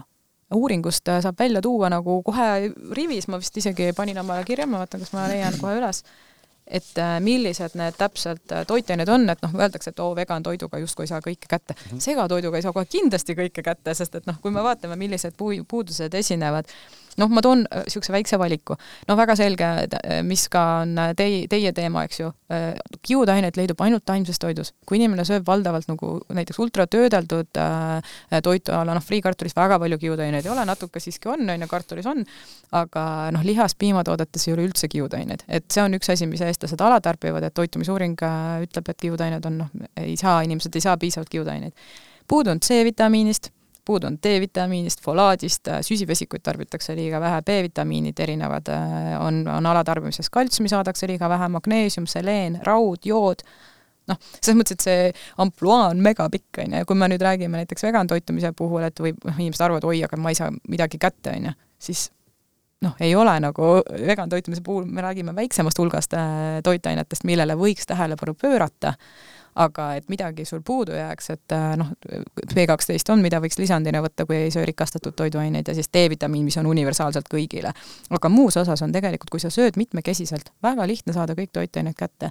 ja, ja mina ütleksin näiteks, et ma olen neid menüüsid analüüsinud ka, et äh, vegan toiduga on lihtsam saada kätte kõik need mikrotoitained, mis ma tegelikult praegu nimetasin, segatoitlastel puudu jääb, kui on, äh, kui siis segatoiduga et äh, noh, see, sa ei pea tegelikult tegema mingisugust tohutut analüüsi, sa pead lihtsalt mõtlema, et okei okay,, kas mul see taldriku reegel on nagu täidetud, eks ju, mhm. kas mul see kaunvili on menüüs, sest see on üks asi, mida me ei ole harjunud sööma ja kui me jätame sealt selle loomse komponendi ära, siis see kaunvili muutub noh, selle võrra veel olulisemaks.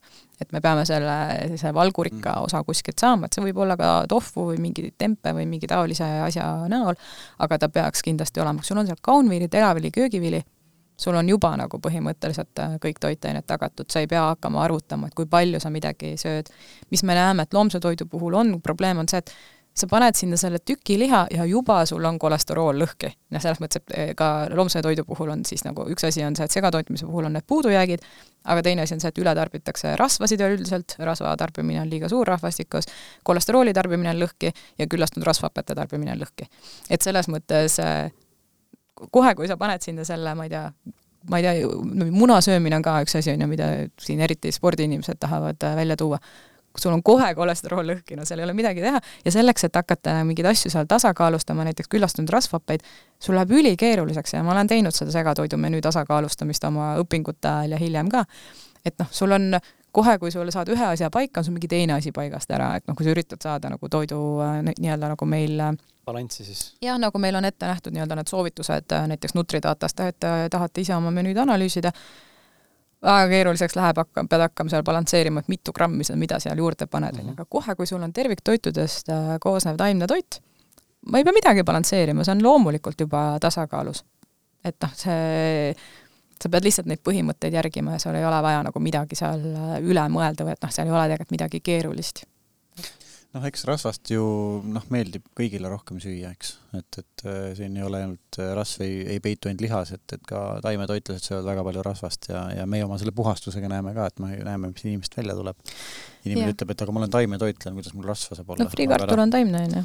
noh, friikartul, aga noh, üleüldse ka, ka, ka avokaado, pähklid, äh, noh, neid süüakse tavaliselt väga-väga, noh, liiga palju mm, -hmm. et, et sealt noh, tavaline pähkel on ju põhimõtteliselt nagu õli et ega yeah. sa ju, sa võtad ikkagi pool pakki pähkleid, noh siis sa oled ilmselgelt õli yeah. või noh, enda rasvainet liiga palju söönud.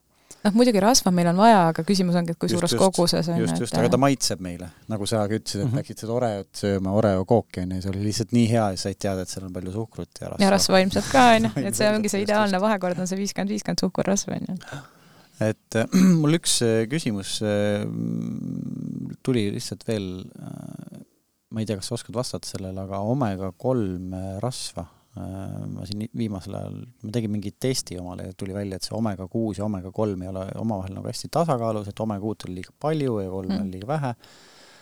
ja vaatasin ka, kus siis seda nii-öelda taimsetes äh, produktides on, et, et see on lina, linaseemneõli ja, ja, ja vist oli chia-seemnetes oli ka päris palju ja, ja need, kes seda testi tegid, ütlesidki, et tihtipeale taimetoitlastel on see suhe nagu eriti paigast ära et kas sa oled, kas tead ka seda või, või kas peabki näiteks võtma seda linaseemneõli näiteks siis nagu lisaks või, või, või mm -hmm. kuidas nagu sellega on? no see oomegate teema on küll, see on üks nendest nii-öelda Ehm, noh, kui meil on nagu kaks toidulisandit, mis veganid võiksid nagu teadlikult võtta, eks ju, D-vitamiin ja B12 vitamiin või siis nagu rikastatud toiduained, et siis omega kolm on üks nendest nii-öelda oranži fooritulega, et millele võiks tähelepanu pöörata, sest me tuleme sellisest taustast, kus me tegelikult ei söö omega kolme rikkaid äh, toiduaineid väga palju ja vastupidi, saame nagu palju omega kuut et seal on äh, küll see loogika, et nad peaksid olema nagu tasakaalus. et äh, ütleme, et see soovituslik äh, noh, ideaal on lausa üks ühele, on ju, mis mitte kunagi ilmselt ei hakka juhtuma, et kui üks neljale öeldakse, et on väga hästi, reaalsus on üks neljakümnele, et oomega kuut on nii-öelda nelikümmend ja oomega kolm on üks, on ju.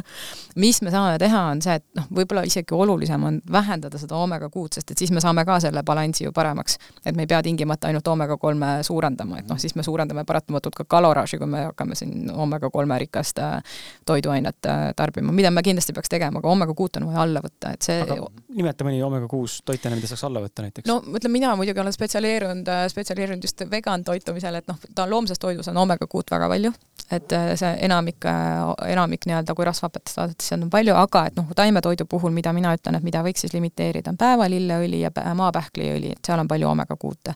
ja õlidest, kui üldse nagu õlidest rääkida, ehm, siis äh, kõige parem omega kolme, kuue suhtega on äh, noh, ütleme, mida võiks köögist äh, nii-öelda tavapärane küpsetamine, et tegelikult rapsiõli, mis on nagu mõistliku hinnaga, mis tegelikult üsna hästi ka säilib, et noh, see probleem näiteks linaseemneõliga, ta on kindlasti väga omega kolme rikas, on see, et õlid kipuvad hästi hästi kiiresti rääsuma mm -hmm. ja oomega kolm rääsub veel eriti kiiresti, et siis seda õli, noh, ma kui te teate, et väga kiiresti ära tarvitate, et siis on okei okay,, on ju, aga et üldiselt ma pigem nagu soovita sama Kreeka pähkliõli.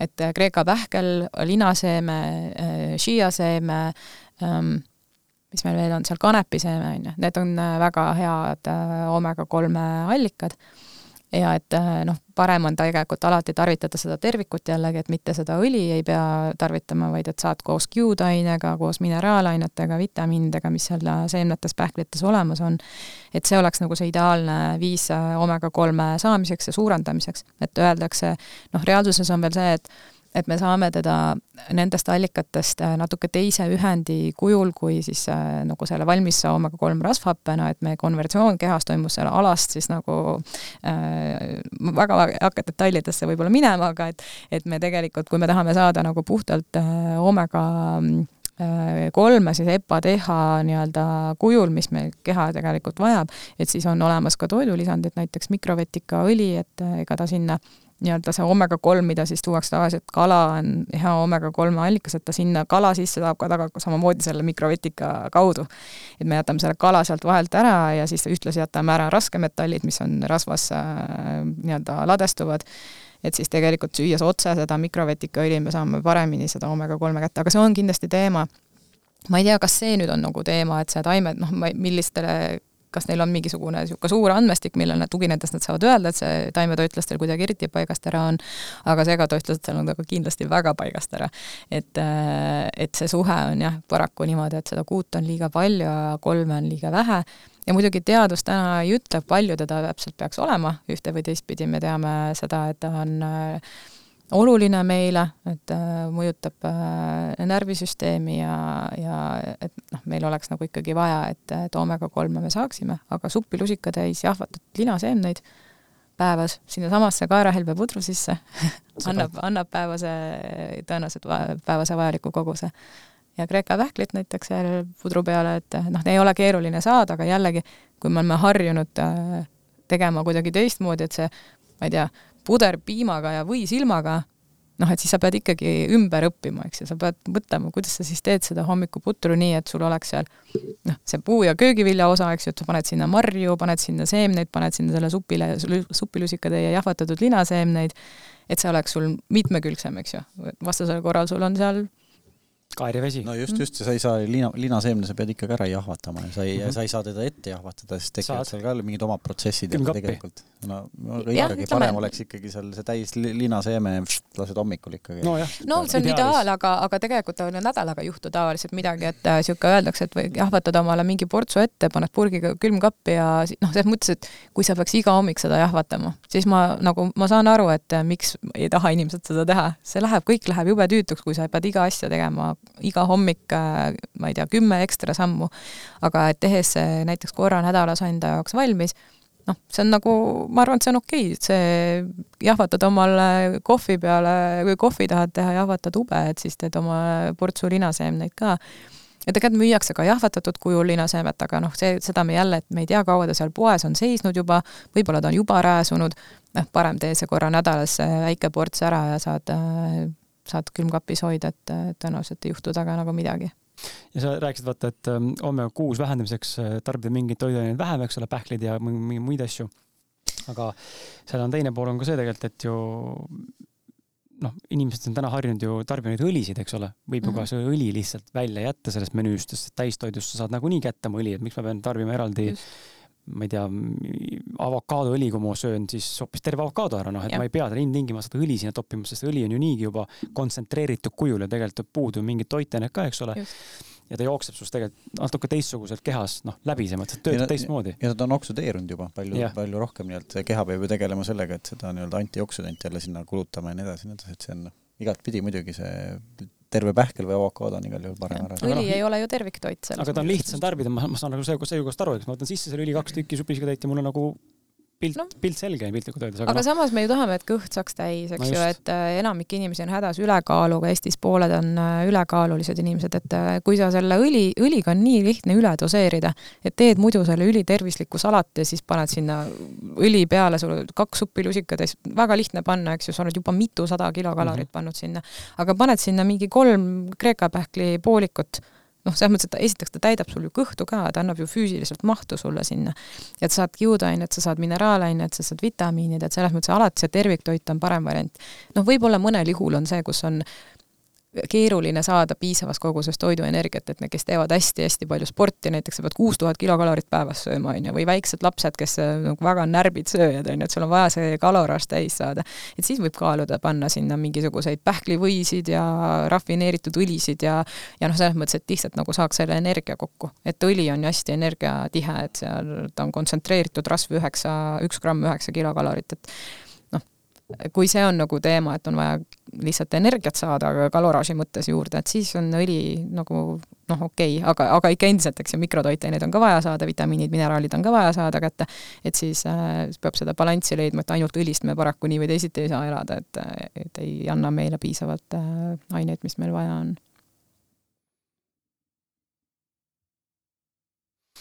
jaa, ja ma mõtlen, kuhu ma seda mm, tüürin. sa vaatad, Eliis, ka enda konspekti, et äh, kui sa tahad ise suunata kuskile, siis äh, sa võid seda vabalt suunata. Äh, korra vaatan ka, et me oleme siin läbisegi erinevaid teemasid juba käsitlenud ja ma üritan mitte, mitte korrata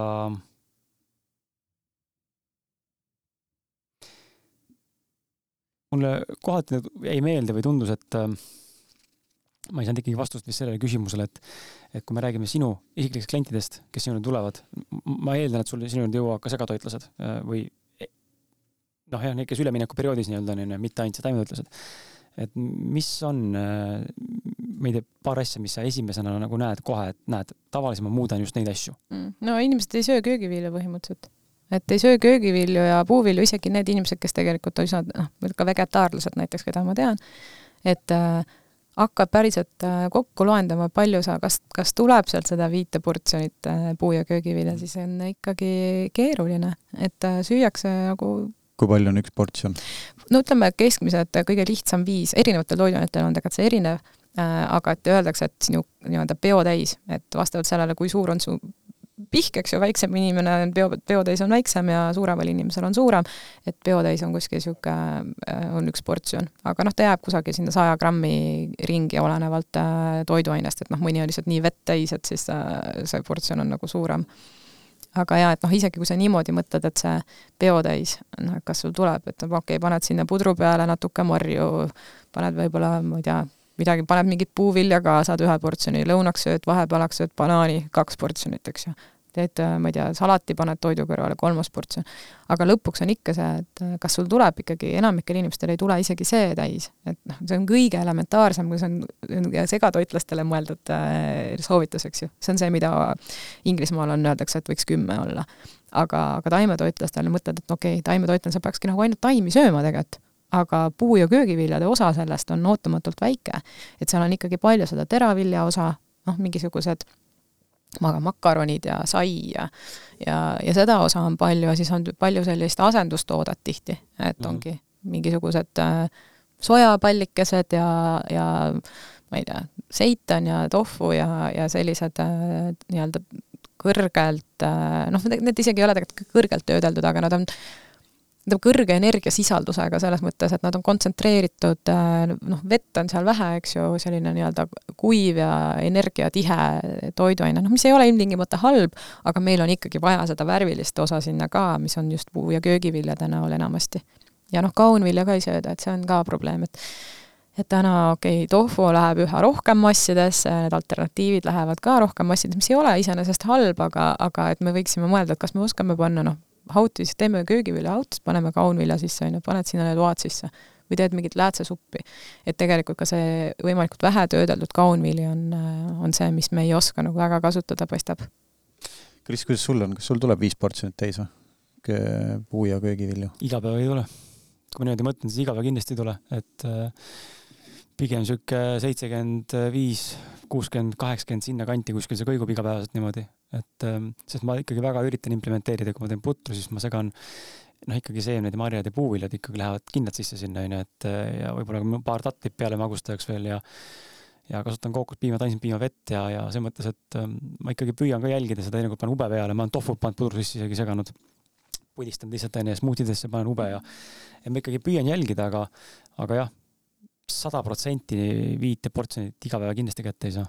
Kohe kindlasti mitte, eriti kui on mingi kiire päev, kus noh, tegelikult nii tohiks üldse olla, aga et ei jõuagi süüa näiteks lõunat, noh hommikul ma ka ei söö, ma olen intermittent fasting'u ütleme, mitte küll mingi kummardaja, aga lihtsalt kuidagi niimoodi kujunenud, ma ei taha hommikuti süüa, see on juba mul mingi alates kümnendast või üheteistkümnendast eluaastast, ma lihtsalt ei taha hommikuti süüa. ja see on ka harjumus muide. absoluutselt, et aga, aga ja see võib-olla tuli kuskilt, ma ei tea, isa sundis mingi putru näiteks sööma, ma ei tahtnud onju, mis iganes põhjusel. et see on kuidagi sisse jäänud, hommikuti ma ei söö ja siis ongi teinekord jääb lõuna ka vahele. noh, ja siis on õhtuks on nagu eriti noh, juba väga hapuseis, siis söödki mingi toidu korraliku ära, üritad teha, aga tegelikult oled ilmselt võib-olla kaloridefitsiidis mingil määral isegi või oled täitsa nagu tuleb break even'isse endaga onju, noh, nii-öelda tasa, tasakaalus, et kohe on see kulu ja tulu nii-öelda nullis onju sul energia mõttes. Aga, aga tegelikult on päev nagu olnud äh, alatoitnud onju. ka siukseid päevi juhtub? Ja ikka juhtub korralikult, eriti praegu siin Senglinsi raames. Ma arvan, et siin on üksjagu, üksjagu seda ka, et tegelikult üksikuid päevi ei ole mõistlik äh, vaadata nagu vaadata jah. Mm -hmm et tavaliselt äh, analüüsi mõttes ka, et vaadatakse ikka kolm kuni viis päeva, vähemalt need päevad peaksid olema üsna eriilmelised selles mõttes, et kui sul on viis järjestikust tööpäeva, eks ju, siis tegelikult ka ei saa väga suuri järeldusi teha, et seal peaks olema ka ikkagi mingid nädalavahetuse päevad või sellised, kus me toitume enamasti teistmoodi kui nagu sellisel tavalisel tööpäeval. et selleks, et saada pilti inimese toitumisest, siis tulekski vaadata nagu seda noh, mitme päeva toitmist ja võibki olla nii, et ühel päeval oled defitsiidis, aga noh, tavaliselt mis keha teeb, on see, et ja seda ka öeldakse, et inimesed ütlevad, oi, ma olen nagu viis päeva nii korralikult äh, või noh, et ma olen, ma olen dieedil, eks ju, ma olen kogu aeg mõõdavad, alatarbivad on, ma ei tea, ütleme seal tuhat viissada, ta on miinuses, peaks kaalu kaotama, ja siis äh, näiteks ma ei tea, ühe päevaga süüakse mingi kolm tuhat kalorit sisse, sa suudad nagu väga lihtsasti, see keha nõuab lihtsalt oma need äh, puudujäävad kalorid äh, tagasi ja sa sööd ühe päevaga segad selle kogu selle nädalase dieedi nullid ära seal pühapäeval, on ju, kui sa siis mõtled, et täna nüüd on see patupäev mm. -hmm. et, et tegelikult noh, muutus tekib meil, meil ikkagi nagu järjepideva teistsuguse käitumise baasil, et me võimegi ühe päevaga selle sefiiritordi omale kõhtu keerata ja, ja kõik see ülejäänud äh, kuus päeva nälga on nagu asjatu olnud põhimõtteliselt mm. -hmm ja, ja noh, keha tegelikult võtab selle ka toitainelises mõttes on see, et okei okay,, täna sa olid defitsiidis, aga tõenäoliselt sa homme oled selles mõttes, su keha nõuab rohkem, eks ju, ta tahab, näkitsed siit ja sealt natukene, võtad kuskilt peotäie midagi ja võtad võib-olla suuremad portsud ja kokkuvõttes ta tegelikult tahab saavutada seda tasakaalu, et, et ta ei jääks nagu võlgu, on ju. see on, seda on hästi näha ka, et kui on just siuksed, noh, vaata, kuna minu, minu, minu isiklik äh, töö täna ja enamus inimeste töö tegelikult ei pruugi olla väga aktiivne, me oleme väga istuvad, eks ole, kontoritööd, liigume vähem mingil määral ja, ja kui trenni ka ei tee, siis su energiakulu tegelikult ongi päeva lõikes väga väike, onju, et äh, kui ma teeks trenni ja oleksin võib-olla ka massilt suurem meesterahvas, siis noh, ilmselgelt mul on keha nõuab ka rohkem, onju, ma pingutaksin ka võib-olla rohkem, sest et noh, muidu ma kukun kokku, onju. et täna ma ikkagi arvan, et jah, siis pigem tundub, et me oma need miinimumid saame kätte, aga noh, seal on küsimus, et mis on see toiteni mitmekesisuse rikkus onju, et me võime ju kartulikõpsu ka ära süüa paki onju, väga easy onju, saadame tuhat viissada kalorit kätte, aga see on tühi toit, noh mm., aga kõht on justkui nagu täis, petsid ära onju. kusjuures isegi kõht ei ole, kõht no, ilmselt ei olegi täis, aga, aga noh, ja, ja, et sa oled saanud mingit. sa oled saanud kätte mingi asja onju ja kaloreid päris palju, aga noh, tegelikult on crap onju, et mm et ma ei ole ka kindlasti ideaalne, ma söön ka, ma ikkagi, ikkagi söön krõpsu ikkagi teinekord ikka täiega naudin. aga see on okei okay., see on selles mõttes, see elu peabki olema niimoodi, et sa sööd vahetevahel ka neid asju, mis võib-olla ei ole väga ebatervislik, aga nagu summa summarum oluline on see, mida sa nagu mis su üldine toitumine on. et noh, ma ütlen oma klientidele ka seda, et noh, kui see nagu aitab sul äh, ülejäänud päevadel äh, teha seda paremat valikut, et noh, ma ei tea, söö siis see, see, ma ei tea, kolm Ben Jerry topsi.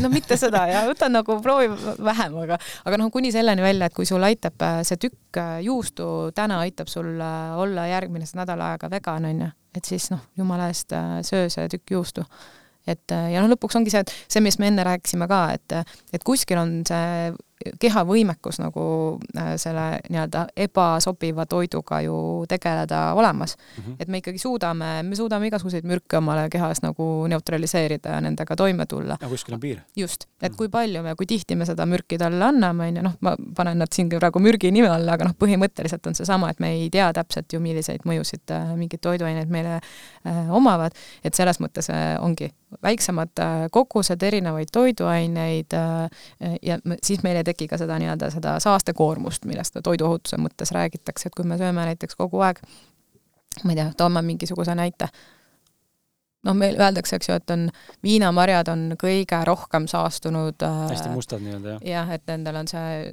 pind on suur, kuhu saab imenduda siis pestitsiidide jääke ja nii-öelda, et kui neid analüüsitakse, siis viinamarjad tihti on esimeses äh, otsas nende äh, nii-öelda puuviljade osas, mis on kõige rohkem saastunud, et kui me sööme kogu aeg viinamarju suures koguses, et siis meil tekib see noh, suurema tõenäosusega mingi probleem kui see, et me sööme täna, sööme viinamarja, homme söön, ma ei tea, virsikut ja ülehomme söön banaani ja siis söön õuna ja et selles mõttes see rikkalik valik ka toiduohutuse mõttes on oluline, et me suudame paremini reguleerida neid aineid, mida meie keha tegelikult ei taha saada, aga teisest küljest, et kui meil on väga erinevas variatsioonis toidud, siis me saame ka erineva valiku vitamiine ja mineraalaineid. et mitmekesine toitumine on sellepärast oluline, et et neid aineid saada ja teisest küljest, et mitte saada liiga palju neid, mis me ei taha saada. ja noh, mõnikord on nii, et okei okay,, kui see juust päästab su päeva, on ju, et siis äh, lihtsalt ole mõistlik, eks ju, et äh, ära söö iga päev kolme burgerit, aga noh, okei okay,, täna sõid seal ühe mhm. väikse burgeri, okei okay,, aga noh, sa tead, et, äh, et sa saad edaspidi toituda normaalselt, et see ei tähenda seda, et sa võid nagu okei okay,, nüüd on kõik kadunud, et sõin selle tüki juustu ja nüüd homme söön juba kilo ja siis äh, kogu ülejäänud nädala, noh et ei pea selle pärast veel käega lööma. ja eks ta, me oleme siin, vaata seda asja maininud ka siin korduvalt täna, et äh, see on see, ta on pikaajaline, eks ole, haigused ilmnevad ka pikaajaliselt onju, et me täna võime selle burgeri süüa, vahet pole, kas ta on taineburger või segatoidune burger, lihaga mitte. et me teeme ebakvaliteetsema, ebatervislikuma valiku enda sellest toidusedelist et siis noh, see üks kord, kaks korda spike ida, see, see, see niimoodi ei pruugi muuta, aga suures pildis, kui ma, ja tavainimene tegelikult täna teeb ikkagi igapäevaselt või iga, väga harjumuspäraselt seda ikkagi tihti, siis viie või kümne aastaga see noh, akumuleerub ja siis on probleem tegelikult, aga siis on hilja juba, sest et on juba kümme aastat su kehas akumuleerunud mm, -hmm. kümme aastat on kõik kihvt olnud, onju, ma olen nagu ullekas on see ees, onju, mitte kedagi solvata, aga et ripp, kõht ripub, onju. mul on kõik jumala okei okay., aga võib-olla homme on see päev, kus enam okei okay ei ole, sest nüüd tuli piir aga me ei tea seda piiri, milline see piir on. ja noh, seda näitab meile, uuringud näitavad, ka statistika näitab meile seda, et äh, elustiilihaigused tulevad üha varem, esinevad et veel varem ikkagi oli ju see teist tüüpi diabeet oli vanadusdiabeet, enam ei ütle keegi vanadusdiabeet, sest et väga mm. noortel inimestel on, vähk on üha varasemas eas, eks ju, ma usun, et te ise olete ka märganud seda, et, et issand, miks nii noorel, kuidas nii noor inimene saab äh, väh, vähki haigestuda ja võib-olla vähki surra koguni. et need äh, see tuleb äh, lihtsalt noh, me ei suudagi, see keha lihtsalt äh, ei, ei suuda ennast taastada nii kiiresti, kui me anname talle seda mürki nii-öelda peale, millega ta peab võitlema. ja noh, see, mis seesama näiteks adventistide teine terviseuuring või see Epic Oxford näiteks, mida Inglismaal tehakse üheksakümne kolmandast aastast alates, samamoodi hästi suur kohort uuringu antakse hästi suurt hulka inimesi, toovad välja, on ju, kõik elustiilihaigused taimetoitlastel esineb äh, märkimisväärselt vähem, on kõrgvererõhktõbi, jälle, eks ju, elustiilihaigus hästi palju esineb, surevad inimesed vere, kõrgvererõhktõvesse. eesnäärmevähkmeestel üks levinumaid vähkisid täna Eestis ka, naistel rinnavähk, äh, üldse tegelikult vähid summeerituna taimetoitlastel on erinevaid, äh, erineva, erinevaid vähkisid esineb vähem kui segatoitlastel. noh, diabeet, teist tüüpi diabeet eriti aga ka silmakae näiteks, äh, kilpnäärme ületalitlus, et äh, no tegelikult neid haigusseisundeid, mis on niisuguse elustiilis tekkivad äh, aja jooksul, et lihtsalt taimetoitlastel noh, neid esineb vähem ja nad arenevad aeglasemalt. et me ei näe seda nagu sellisel, sellisel määral taimetoitlaste hulgas, kui me näeme segatoitlaste hulgas et noh, kui me nüüd siin räägime ainult tervisest, aga eks muid põhjuseid on ju veel, eks ju, miks taimset toitu eelistada aga tulemegi, ma tahangi viia korraks toidult äh, teema kõrvale või no kaudselt. sa, mäletan, kui ma su esimest, esimest sinu sellist äh, suuremat loengut vaatasin, kus ma nagu nägin, et oo, et äh, sa räägid nagu väga hästi. minu vaatevinklist väga hästi, eks ole, minule sarnaselt. Ähm, et siis ma nagu nägin, sa puudutasid seda taldriku valikut, kuidas see mõjutab keskkonda. ja ma pean tunnistama, mul endal on see üsna alles hiljuti selles mõttes sisse jooksnud. ja, ja, ja võib-olla siin ka natuke selles mõttes äh, üha rohkem hakkan nüüd nagu mõistma seda, mismoodi tegelikult see toiduaine valik mõjutab ka meie keskkonda, planeeti, onju. ja ma usun, et kuulajad, kes meid kuulavad, nad kindlasti teavad mõningaid selliseid asju, millest nad kõik aru saavad, eks ole. aga samal ajal me võib-olla otseselt ei suuda pilti kokku panna, et kuidas siis päriselt toidulaud või toidutaldrik nüüd seda kõike nagu mõjutab, et minu isiklik toiduvalik nüüd mõjutab terve planeeti, et kuidas see saab võimalik olla noh, et siin on ju erinevaid näiteid, eks ole, kui noh, mis viskan siin mingid ideed õhku, mis kohe tulevad, onju, et on, et, et noh, ei ole jätkusuutlik, kõik oleks taimetoitlased, onju, planeet, noh, loomad ju peavad ka kuskil olema ja, ja metsloomad siis ma ei tea, sigivad niimoodi nagu väiksed hamstrid ja enesed, onju, mis tegelikult ei vasta tõele, aga et me, me unustame, me nagu vaatame mööda mingitest kohtadest ja mulle tegelikult tundub, et see on nagu väga tugevalt õigustus nagu, et mitte siis minna võib-olla kaasa või nagu hirm, noh, jälle uue ees onju. aga just nimelt see, et metsloomad lähevad üle võlli kätest ära onju, loomi on kuskile panna onju, kedagi, keegi peab neid tasakaalus hoidma. noh, siis on need äh, ma ei tea, mis, mis iga, mis siin veel näited on, natuke, räägi natuke sellest keskkonnast lähtuvalt, et kuidas see nagu tegelikult on seotud selle toiduga ja, ja kas ta üldse on seotud ja mis näitavad uuringud, mis näitab teadustöö mm., ma ei tea, lihtsalt jälle perspektiivi inimestele anda jah, no ma olen viimasel ajal oma ülikooli tööga seotud äh, hästi palju tegelenud just nagu jätkusuutlikkuse teemadega ja, ja kuna toit on minu erihuvi olnud väga palju aastaid nüüd juba, siis ma olen vaadanud ka seda toidu osa. paraku meil Eestis näiteks keskkonnakaitseorganisatsioonid nagu võrdlemisi vähe käsitlevad toitu, et meil on siin, eks meil on muidugi põlevkivitööstus on suur probleem, eks ju, sellest, kui meil seda ei oleks, võib-olla meil jätkuks rohkem leheruumi toitumisele ka, aga ütleme, keskmisel inimesel on väga keeruline midagi teha põlevkivi suhtes, eks ju, noh, me ei saa kuidagi seda ise mõjutada. küll aga me teeme vähemalt kolm korda päevas valikud selles osas, et mis me oma taldrikule paneme ja selle keskkonna jalajäljeks öeldakse, et et see on olulisem, kõige olulisem muutus, mis me saaksime teha, kui me tahame keskkonda säästa panin mõned arvud ka kirja, et äh, võib-olla nagu illustreerida ja need väited ka, mis sa tõid, mida inimesed äh, noh, lihtsalt ei ole informeeritud, et arvatakse, et meil on kuidagi rohkem siis, kui kõik inimesed oleks taimetoitlased, oleks rohkem vaja pinda, et reaalsus on tegelikult hoopis vastupidine. noh, näiteks üks kilo veiseliha et kui me asendaksime selle äh, ubades saadud valguga samas noh, et sama, et annaks sama välja, siis meil kuluks kaheksateist korda vähem pinda, nii-öelda maapinna mõttes, et meil kuluks vähem maad, äh, kümme korda vähem vett, äh, üheksa korda vähem kütust, no kütus on väga kallis ka praegu, ma arvan, et see on väga positiivne, et hinnad, hinnad läheks ka kindlasti soodsamaks.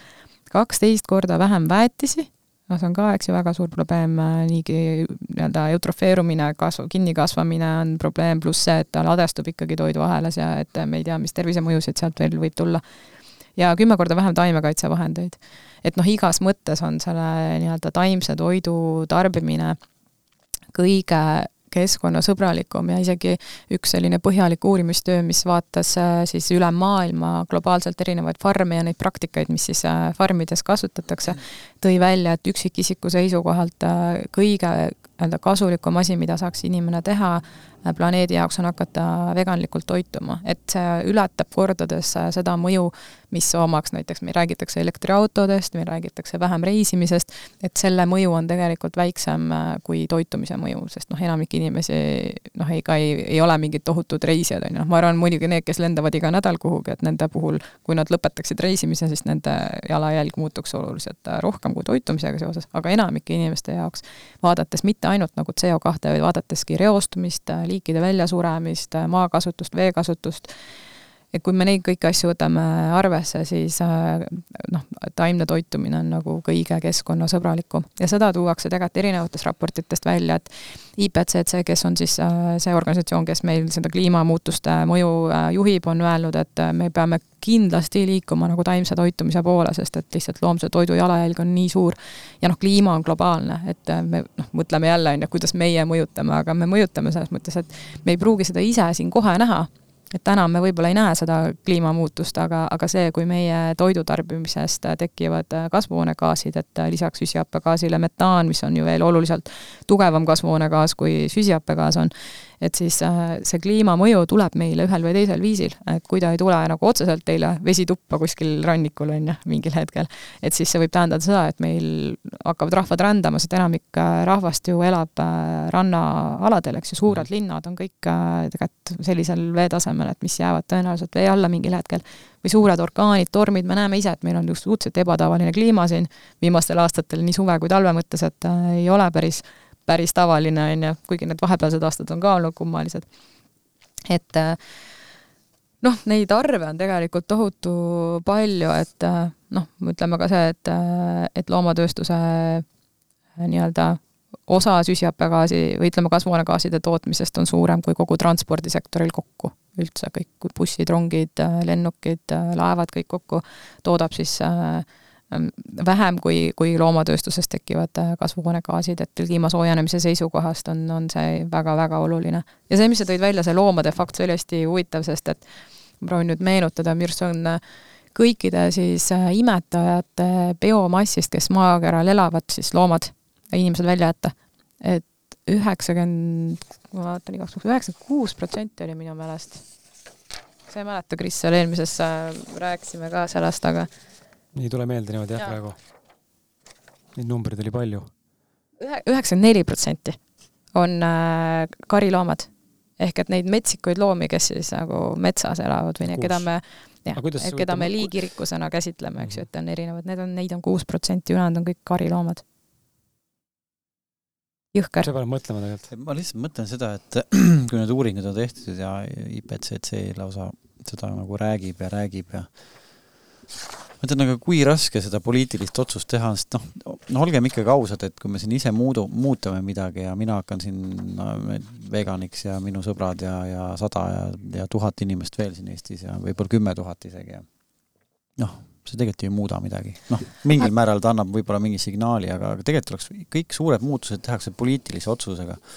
Miks mitte nagu, ja, ja noh, minu mõte nagu alati tekibki, et aga miks seda poliitilist otsust, et öel-, öelda, öelgem siis näiteks nendele loomakasvatajatele, kümne aasta pärast on meil, ma ei tea, saate dotatsiooni selle peale, et hakata ube kasvatama, noh miks me peame seda nagu jätkama ja jätkama ja jätkama ja jätkama ja mm. ja lihad, lihadele tuleb niisugune aktsiis otsa nagu kütusel on näiteks mm, -hmm. see lähebki lukskaubaks, noh mm -hmm. et võtame nagu siis selles mõttes nagu täna piiratakse kunstlikult ehitust hakatakse tegema, sest rauamaaki pole või rauda või metalli pole enam saada ehitustele, noh, tänu mm erinevatele kriisidele. noh, ehitushind läheb lihtsalt nii kõrgeks, et inimesed jätavad oma ehitamise pooleli tõenäoliselt siin kahe aasta jooksul mm. -hmm et, et miks mitte siis näiteks lihaga samamoodi? oleks mõistlik küll, ausalt. miks sa arvad, miks siis seda ei tehta, miks, oled no, sa mõelnud selle peale, sa oled jälle sellega tegelenud, et miks siis seda poliitilist otsust ei tule? no Taani kaalus seda igatahes, et panna nii-öelda lihamaks teha, ma nüüd ei tea, mis sellest saanud on või mis sellega juhtunud on, aga noh, ütleme, et iga, igal juhul on äh, teatud, noh, inimene on inimene, on ju, seal on psühholoogia, et äh, kuidas sa näiteks olles ise väga suur lihaarmastaja, teed äh, poliitilise otsuse noh, et mulle meeldiks, kui inimesed teeksid ka selliseid otsuseid, mis nagu otseselt nende enda võib-olla maailmasüsteemiga nagu kokku ei käi, aga nad näevad, et see on õigem, on ju, et nad teeksid selliseid otsuseid, aga mulle tundub, et väga palju jääb sinna psühholoogia taha ka. noh, näiteks see uuring, mis ma ütlesin, et et äh, nad vaatasid farmide toimimist ja leidsid, et siis kõige keskkonnasõbralikum äh, või noh, ainus, ainus asi, mida põhimõtteliselt inimesed saaksid teha, kui nad tahavad suurelt muuta keskkonnamõju, on hakata veganiks, et see autor ei olnud vegan, kui ta seda uuringut hakkas läbi viima. Ja kui ta selle infoga tutvus, siis ta nii-öelda, mitu aastat nad tegid seda, et selleks ajaks, kui ta selle, need uuringu tulemused avalikustas, et tal oli võimatu mitte olla vegan, selles mõttes, et kui sa tead neid asju ja sa noh, et sa pead oma maailma, siis oma teadmiste kohaselt ka ju hakkama käituma. Ja paljud veganarstid on seda teinud, et, et nad on mingil hetkel lihtsalt saanud seda infot niimoodi, et nad noh, see ei ole kuidagi õigustatud äh, nende arvates enam tervise seisukohalt, et nad söövad liha ja siis nad on, täna on nad väga tuntud veganarstid, on ju, kes tegelikult ei olnud, mitte, mitte ei olnud nagu niipidi, et nad olid veganid ja hakkasid uuringuid tegema, vaid vastupidi, nad said äh, informatsiooni ja selle alusel hakkasid oma otsuseid tegema aga no mis me näeme, on see, et lihtsalt neid inimesi on nii vähe seal nii-öelda otsustajate hulgas, kes ise on taimetoitlased ja kes nagu arvavad üldse, et toiduteema võiks olla päevakorras. ja noh, see on nii isiklik, eks ju, me kõik oleme kohtunud nende inimestega, kes äh, saavad vihaseks, kui sa oled taimetoitlane, sest et äh, see tundub rünnakuna, kui keegi sööb teistmoodi, on ju, või et et äh, noh, ma ei tea, võib-olla me peame enne nagu selle katastroofi siis kogema, on ju, või mõni asi ma ei tea, ma tahaks olla siin optimist ja öelda, et et, et need muutused ülevalt poolt äh, mingil hetkel tulevad, et äh, need maksud ja noh, kuni selleni välja, et näiteks tervishoiusüsteem võiks olla nii palju paremas äh, olukorras, kui inimesed toituksid taimselt, eks ju, et noh, seesama Maailma Looduse Fondi, see on üks huvitav kalkulaator, et kes nüüd ei ole kursis näiteks, et võib vaadata, on Planetary, Planet-Based Diets on minu arust see nimi, aga siis Maailma Looduse Fond on analüüsinud ka erinevate toitumisviiside keskkonnamõju ja toonud välja muuhulgas ka tervise nii-öelda muutused, kui inimesed toituksid äh, näiteks äh, vegetaarselt äh, või siis veganlikult noh, näiteks Eesti kohta ma tegin seal kalkulaatoris äh, läbi selle, et me täna, tänase toitumise juures äh, me toodame Eestis kolm äh, megatonni süsiniku ekvivalenti aastas. noh, kui me räägime siin nagu see süsinikukvoodist ja nendest nii-öelda kliimamuutuste kontekstis. aga sealsamas kõrval on siis võimalik vaadata, et mis siis juhtub, kui kõik inimesed Eestis toituksid veganlikult, et loobuksid liha- ja piimatoodetest ja munast, siis kolmest megatonnist saaks üks megatonn, mis on noh, väga ülisuur vahe ja ühtlasi väheneks siis enneaegsete surmade hulk kakskümmend viis protsenti. et noh, meil on tegelikult lisaks sellele kliima nii-öelda teemale ja sellega seotud rahadele me saaksime tervishoiusüsteemi nii-öelda toimimise muutust ka näha, kui me muutu-, muudaksime nii-öelda inimeste toitumist. aga noh, ma ütlen, et veel on, noh, probleem on see, et ülevalt poolt muutuste tegemine võib olla keeruline, sest et inimesed ei taha, on ju, et keegi neil tuleks, noh, niigi me näeme seda, et kui kütusehinnad tõusevad, on ju, inimesed on vihased, on ju, et noh, kui te meil söögi ka veel ära võtate, eks ju, noh, põhimõtteliselt me võime näha seda jah, et see on probleem, sest et see muutus võiks tulla tegelikult ikkagi kui altpoolt. et me igaüks olemegi see muutus, et samamoodi minu arust on hästi visualiseeritud seda, et et see niisugune pilt on, kus inimesel on see kohvi, ühekordne kohvitops käes ja ta mõtleb, et okei okay,, aga see on ainult nagu üks tops, et noh, ükskõik, on ju, et see minust ei olene midagi. aga siis sul on miljon inimest näiteks, on ju, või kaheksa miljardit inimest, kes mõtlevad, et see on ainult minu kohvitops. aga see on kaheksa miljardit kohvitopsi tegelikult, eks ju, et see muutus algabki meist endist ja noh, niimoodi see on, et sina mõjutad oma tutvusringkonda, äh, nemad mõjutavad oma sõpru, eks ju, me näeme seda, et mida rohkem on neid inimesi, kes, neid üksikuid inimesi, kes seal restoranis, kus sa täna ütled, et sa võib-olla ei saa seda taim, head taimset rooga, kui sina oled see inimene, kes seal käib kogu aeg küsimas seda taimset rooga, eks ju, ja võib-olla tuleb veel, siis ühel päeval on neil kolm-neli erinevat toredat taimset rooga, eks ju, sa saad seal oma lemmikrestoranis edasi käia niimoodi, et nad pakuvad äh, ka head äh, taimset valikut. aga see peabki olema see, et me peame küsima seda, me peame seda nõudlust looma, me peame poest ostma neid äh, taimseid alternatiivi, sellepärast et siis nad lähevad soodsamaks, nende kogused suurenevad, eks ju, me ühel päeval konkureerime nagu nende nii-öelda doteeritud, täna on ju põllumajandussektor meil ju riiklikult doteeritud. et me näeme tegelikult, et näiteks piimatööstus on hääbumas, aga nad nõuavad ja saavad raha selleks, et, et need piimatooted oleksid nii odavad, nagu nad täna on. taimse piimasektorit ei toeta keegi ja siis sa näed poes, eks ju, et see hinnavahe võib olla seal mingi viis korda. see on kunstlikult üle loitud või noh, natuke selle suunas liikuv.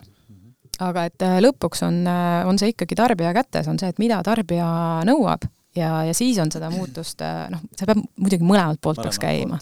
aga ei, ei saa öelda, et meil ei oleks mõju, meil on kindlasti mõju, et väga-väga äh, selge mõju nii, nii nii-öelda kliima mõttes, et mis me saame nagu selles osas ära teha, kui ka noh, oma tervise eest vastutuse võtmine on veel eraldi teema, noh, tervislik toit peaks olema soodsam, kui on ebatervislik toit, see on selge, aga et inimesed ei pruugi alati sellest aru saada, kui nad hääletavad oma rahakotiga, siis nad noh, valivad tihti selle tervislikuma, on ju. kui me täna puu- ja köögivili oleks näiteks madalama maksumääraga, siis ma usun, et on inimesi, kes võib-olla lubaksid omale rohkem seda toitu ja tegelikult ta, tegelikult puu, köögivili, juurvili ei ole ju tegelikult kallis võrreldes noh, nagu enne ütlesime ka, et ta ei ole ju, on argument, et taimetoit on kallis, no ei ole ju. no see oleneb, on ju, see oleneb. sööd, aga kui ja. sa võtad ainult tooraine nagu värske, siis noh, ei võta mingeid hullult eksootilisi puuvilju või mingeid, ma ei tea, spetsioon bio mingit kale või mingit asja, eks ole, no siis, siis ei ole, sibul ei ole kallis, sidrun ei ole kallis, on ju, noh, porgand, mhm. kartul rääkimata. ja tegelikult neid asju peavad ju ka segatoitlased ikkagi sööma. No, et see ei ole nii, et sa hakkad taimetoitlaseks, hakkad sellepärast sööma nagu oluliselt rohkem sibulat. noh, tegelikult ei hakka, on ju, siin on küsimus selles, et okei okay,, kaunvili on võib-olla asi, mida me täna ei söö.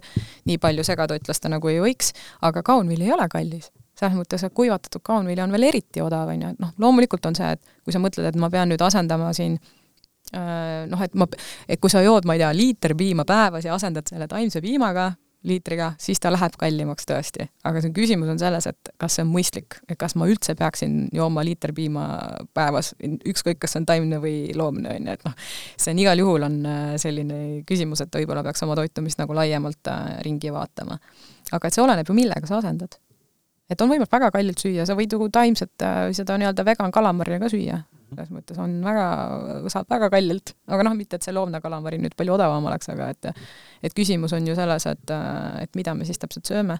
saab ka ise teha, kusjuures, aga see on jälle see maitse koht, et chia-seemnetest norilehest saab teha kalamarja, aga ta ei ole kala, noh, ta ei ole see. taimset piima saab ka teha, jube odav on selles mõttes, palju see kaerahelbe kilo maksab praegu, et äh, sealt sooduspakkumisega saad mingi, ma ei tea, euroga saab või? noh, seda ju kaerahelbeid kulub ülivähe kaerapiima tegemiseks. aga et äh, lihtsalt äh, millest sa noh, mugavuses annad järgi.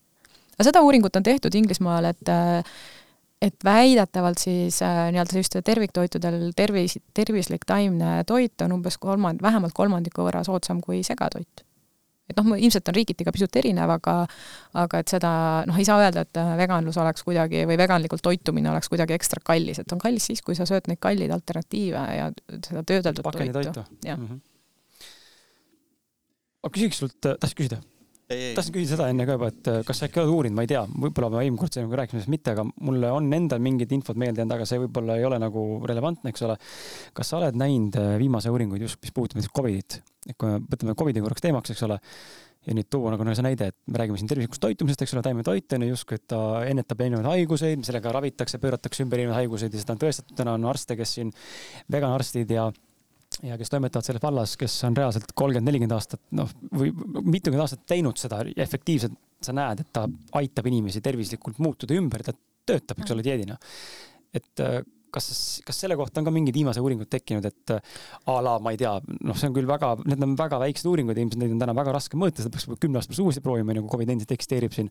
aga et kas seal on mingi suur nagu tekkinud mingi kääri koht, et näed, tõepoolest tuleb välja, kui sa oled ikkagi mitmekesiselt toitnud, eks ole, toetad mikrobiomi enda aluseliste asjadega ehk taimetoiduga piltlikult öeldes, siis seal on väike eeldus ja sooldumus või, või positiivne pool, et sa vähem, ma ei tea, kas jääd haigeks mm, -hmm haigusperiood on lühem või, või, või seal ei ole täna sellist, sellist kohta? üks uuring kindlasti tehti, ma eelmise podcast'i jaoks vaatasin selle järgi, nüüd ma olen nagu detailid ära unustanud, aga see, selline uuring on tehtud küll, et vaadati, et kas taimetoitlastel on nagu vähem esinenud rasket Covidit, just nagu vaadati seda, et noh, see võid ju väga erinevalt põdeda ka seda. Ja noh, me mõlemad ise ju ka põdesime, on ju, et, et selles mõttes ei välista seda, et sa haigestud, aga et see, kas sa põed seda raskelt või mitte, on, on see, mis siis on mõjutatud su üldisest tervisest.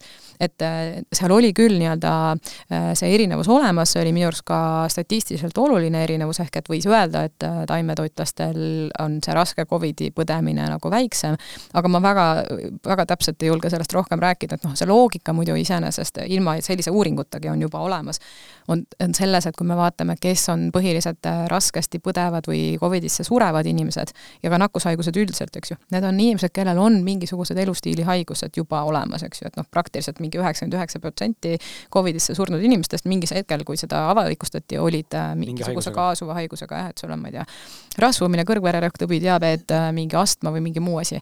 aga need on kõik sellised äh, haigused, mis, mida esineb siis taimetoitlastel oluliselt vähem. et juba sealt võib selle seose tekitada, et kui sa oled üleüldiselt tervem inimene ja sa oled tõenäoliselt tervem inimene, kui sa taimselt toitud, et su ka elustiilihaigus on võimalik tagasi pöörata, diabeeti on võimalik tagasi pöörata, kõrgvererõhktõbi ei ole, et sa pead eluaeg võtma ravimeid, et äh, kohe, kui sa oma toitumist, äh, elustiili muudad, on võimalik ka ravimite pealt ära tulla lausa.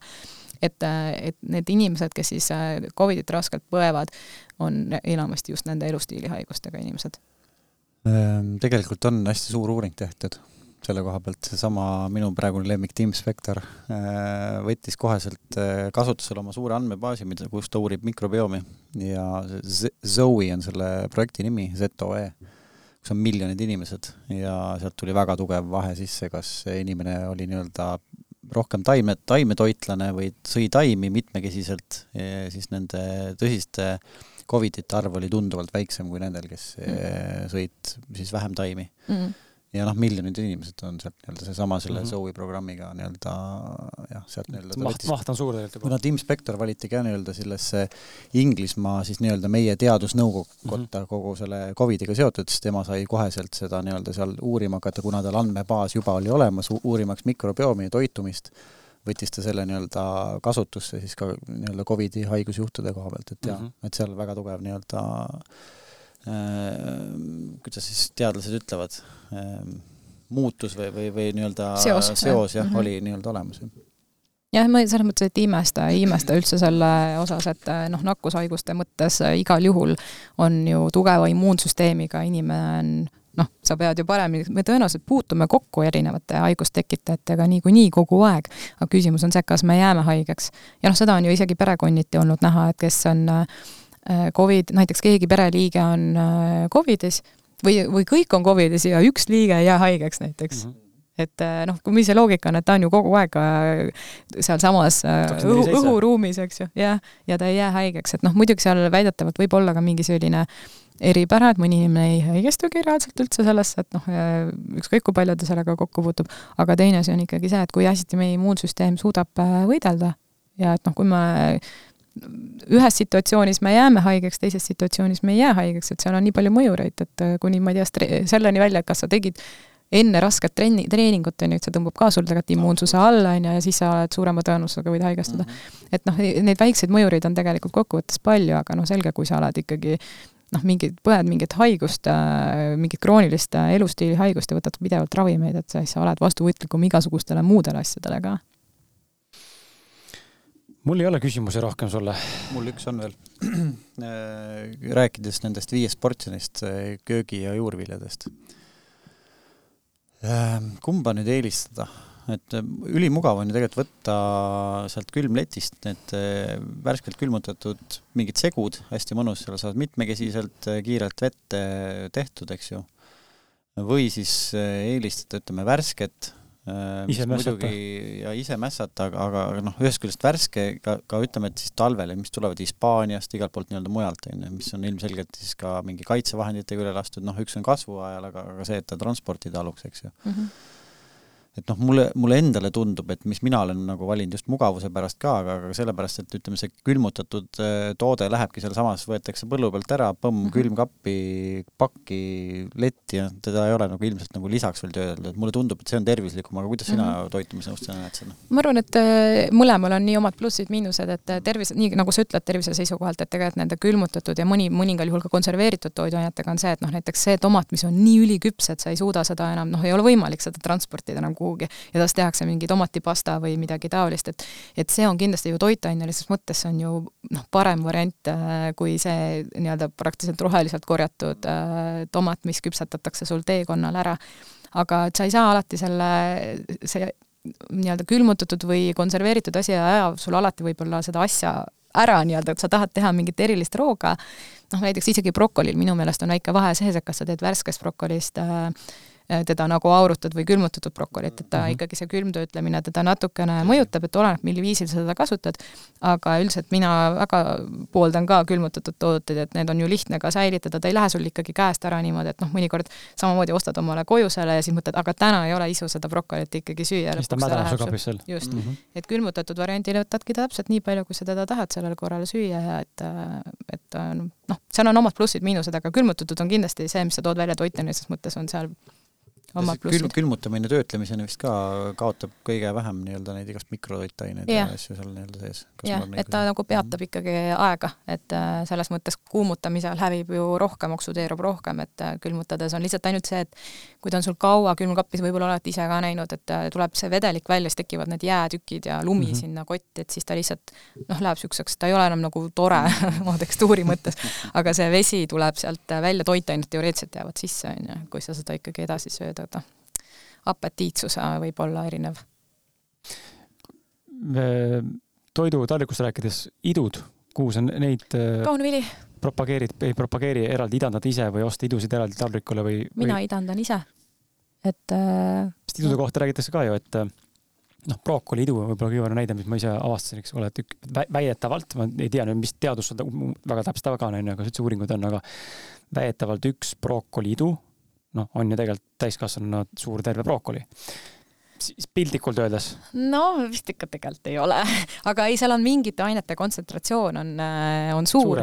jah, et, et sellest ju seemnest äh, peab tulema, noh, jõudma kasvada see mingile, mingisele ulatusele ta kasvab mm -hmm. sul, äh, tal on piisavalt toitainet selleks, et tast tuleks nii-öelda selline esmane taim, aga mingi hetk on ikkagi see, et ta hakkab ju võtma mullast ja, ja lisaks, on ju Mm -hmm. aga see alg, alg ja. nagu see kood või kompo on tegelikult endas nagu väekas sees olemas. jah, aga see on kõikide seemnete puhul niimoodi mm, -hmm. et selles mõttes ka kaunvili on seeme, eks ju, teravili on seeme, et nad kõik peavad äh, selles ühes selles seemnesse sisaldama nii palju neid toitaineid, et sealt oleks äh, siis võimeline see es esmane taim nagu kasvama ja kui see idandamist, kui me idandamisest räägime, siis see nii-öelda aktiveerib need ensüümid seal mm -hmm. seemnes, et nad hakkavad siis toimima, kui see idanemine seal toimuma hakkab, et ta kindlasti on nagu natuke parem kui see seeme või või kaunviili või mis iganes äh, mitte idandatud kujul, et ka toitained on paremini omastatavad, kui, kui idandada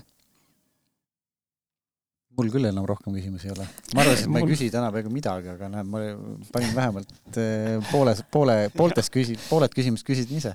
väga põnev saade oli, aitäh sulle, Elis kas sa tahad äh, lõpetuseks midagi öelda, lisada? ma tahan küsida, kas ma veensin sind niimoodi mind ei olnud selles mõttes vaja veenda, et, et ma, ma olen, ma olen veendunud, et mitmekesine toit äh, on ülitervislik ja mida mitmekesisem ja rohkem on taimi, seda tervislikum inimene on.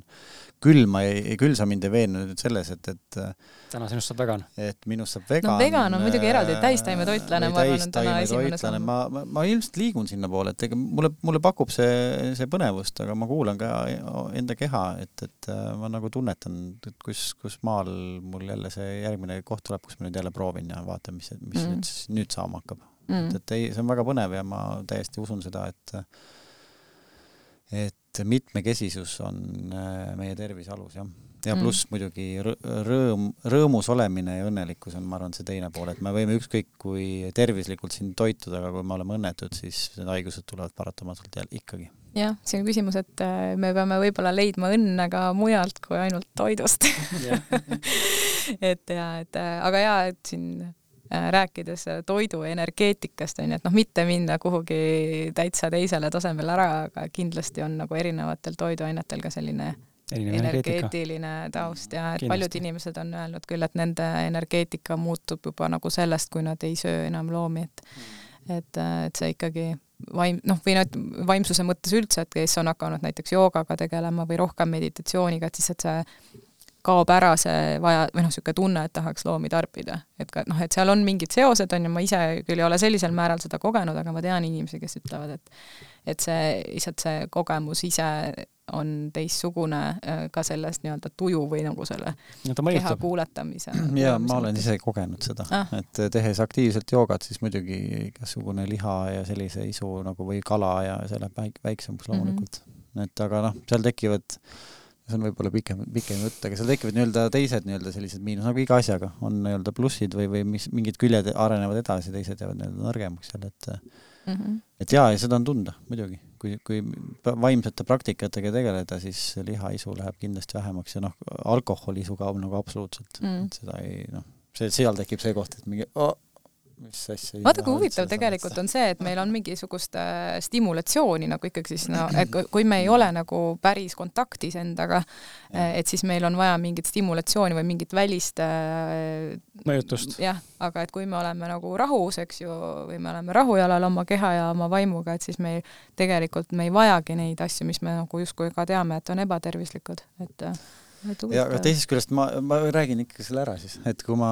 kui ma aktiivsemalt tegelen nende praktikatega, siis ma jälle tunnen seda, et minu nagu äh, tavakeskkonnas või ühiskonnas mingite asjade ärategemine näiteks kannatab aga küsi, kas neid on vaja teha? just nimelt, aga, aga seal ongi nagu kaks poolt, see on alati nii-öelda tasakaal mm. tuleb leida, eks ju, et, et et pigem siis hakkabki nii-öelda mõttetöö või, või tekibki nii-öelda hästi tugev sissevaatamine ja see mm -hmm. pool, kus kaob siis nagu kogu vajadus siis noh, ütleme alkoholi või, või mm, või veini või, või, või liha järgi. või üldse eksisteerida. aga teisest küljest tekibki see koht, et, et noh, siis ma olen nagu niisuguses noh, ego hakkab vaata ära kaduma ja mm -hmm. siis sa ei taha midagi teha enam.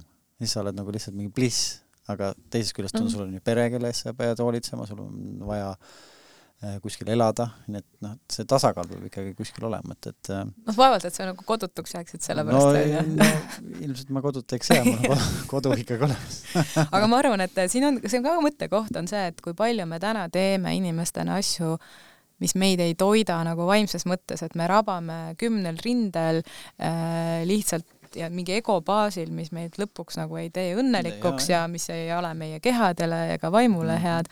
et, et jah, ma olen nõus, et see balansi leidmine, aga teinekord me oleme lihtsalt selles rattas nii suurelt sees, et meil lihtsalt ei tekigi seda kohta, kus me saaksime hakata mõtlema, et mis meile tegelikult parem on, et võib-olla me võiksime üldse vähem mõelda või vähem tegeleda selle mingisuguste ma ei tea, mingite asjade saamisega.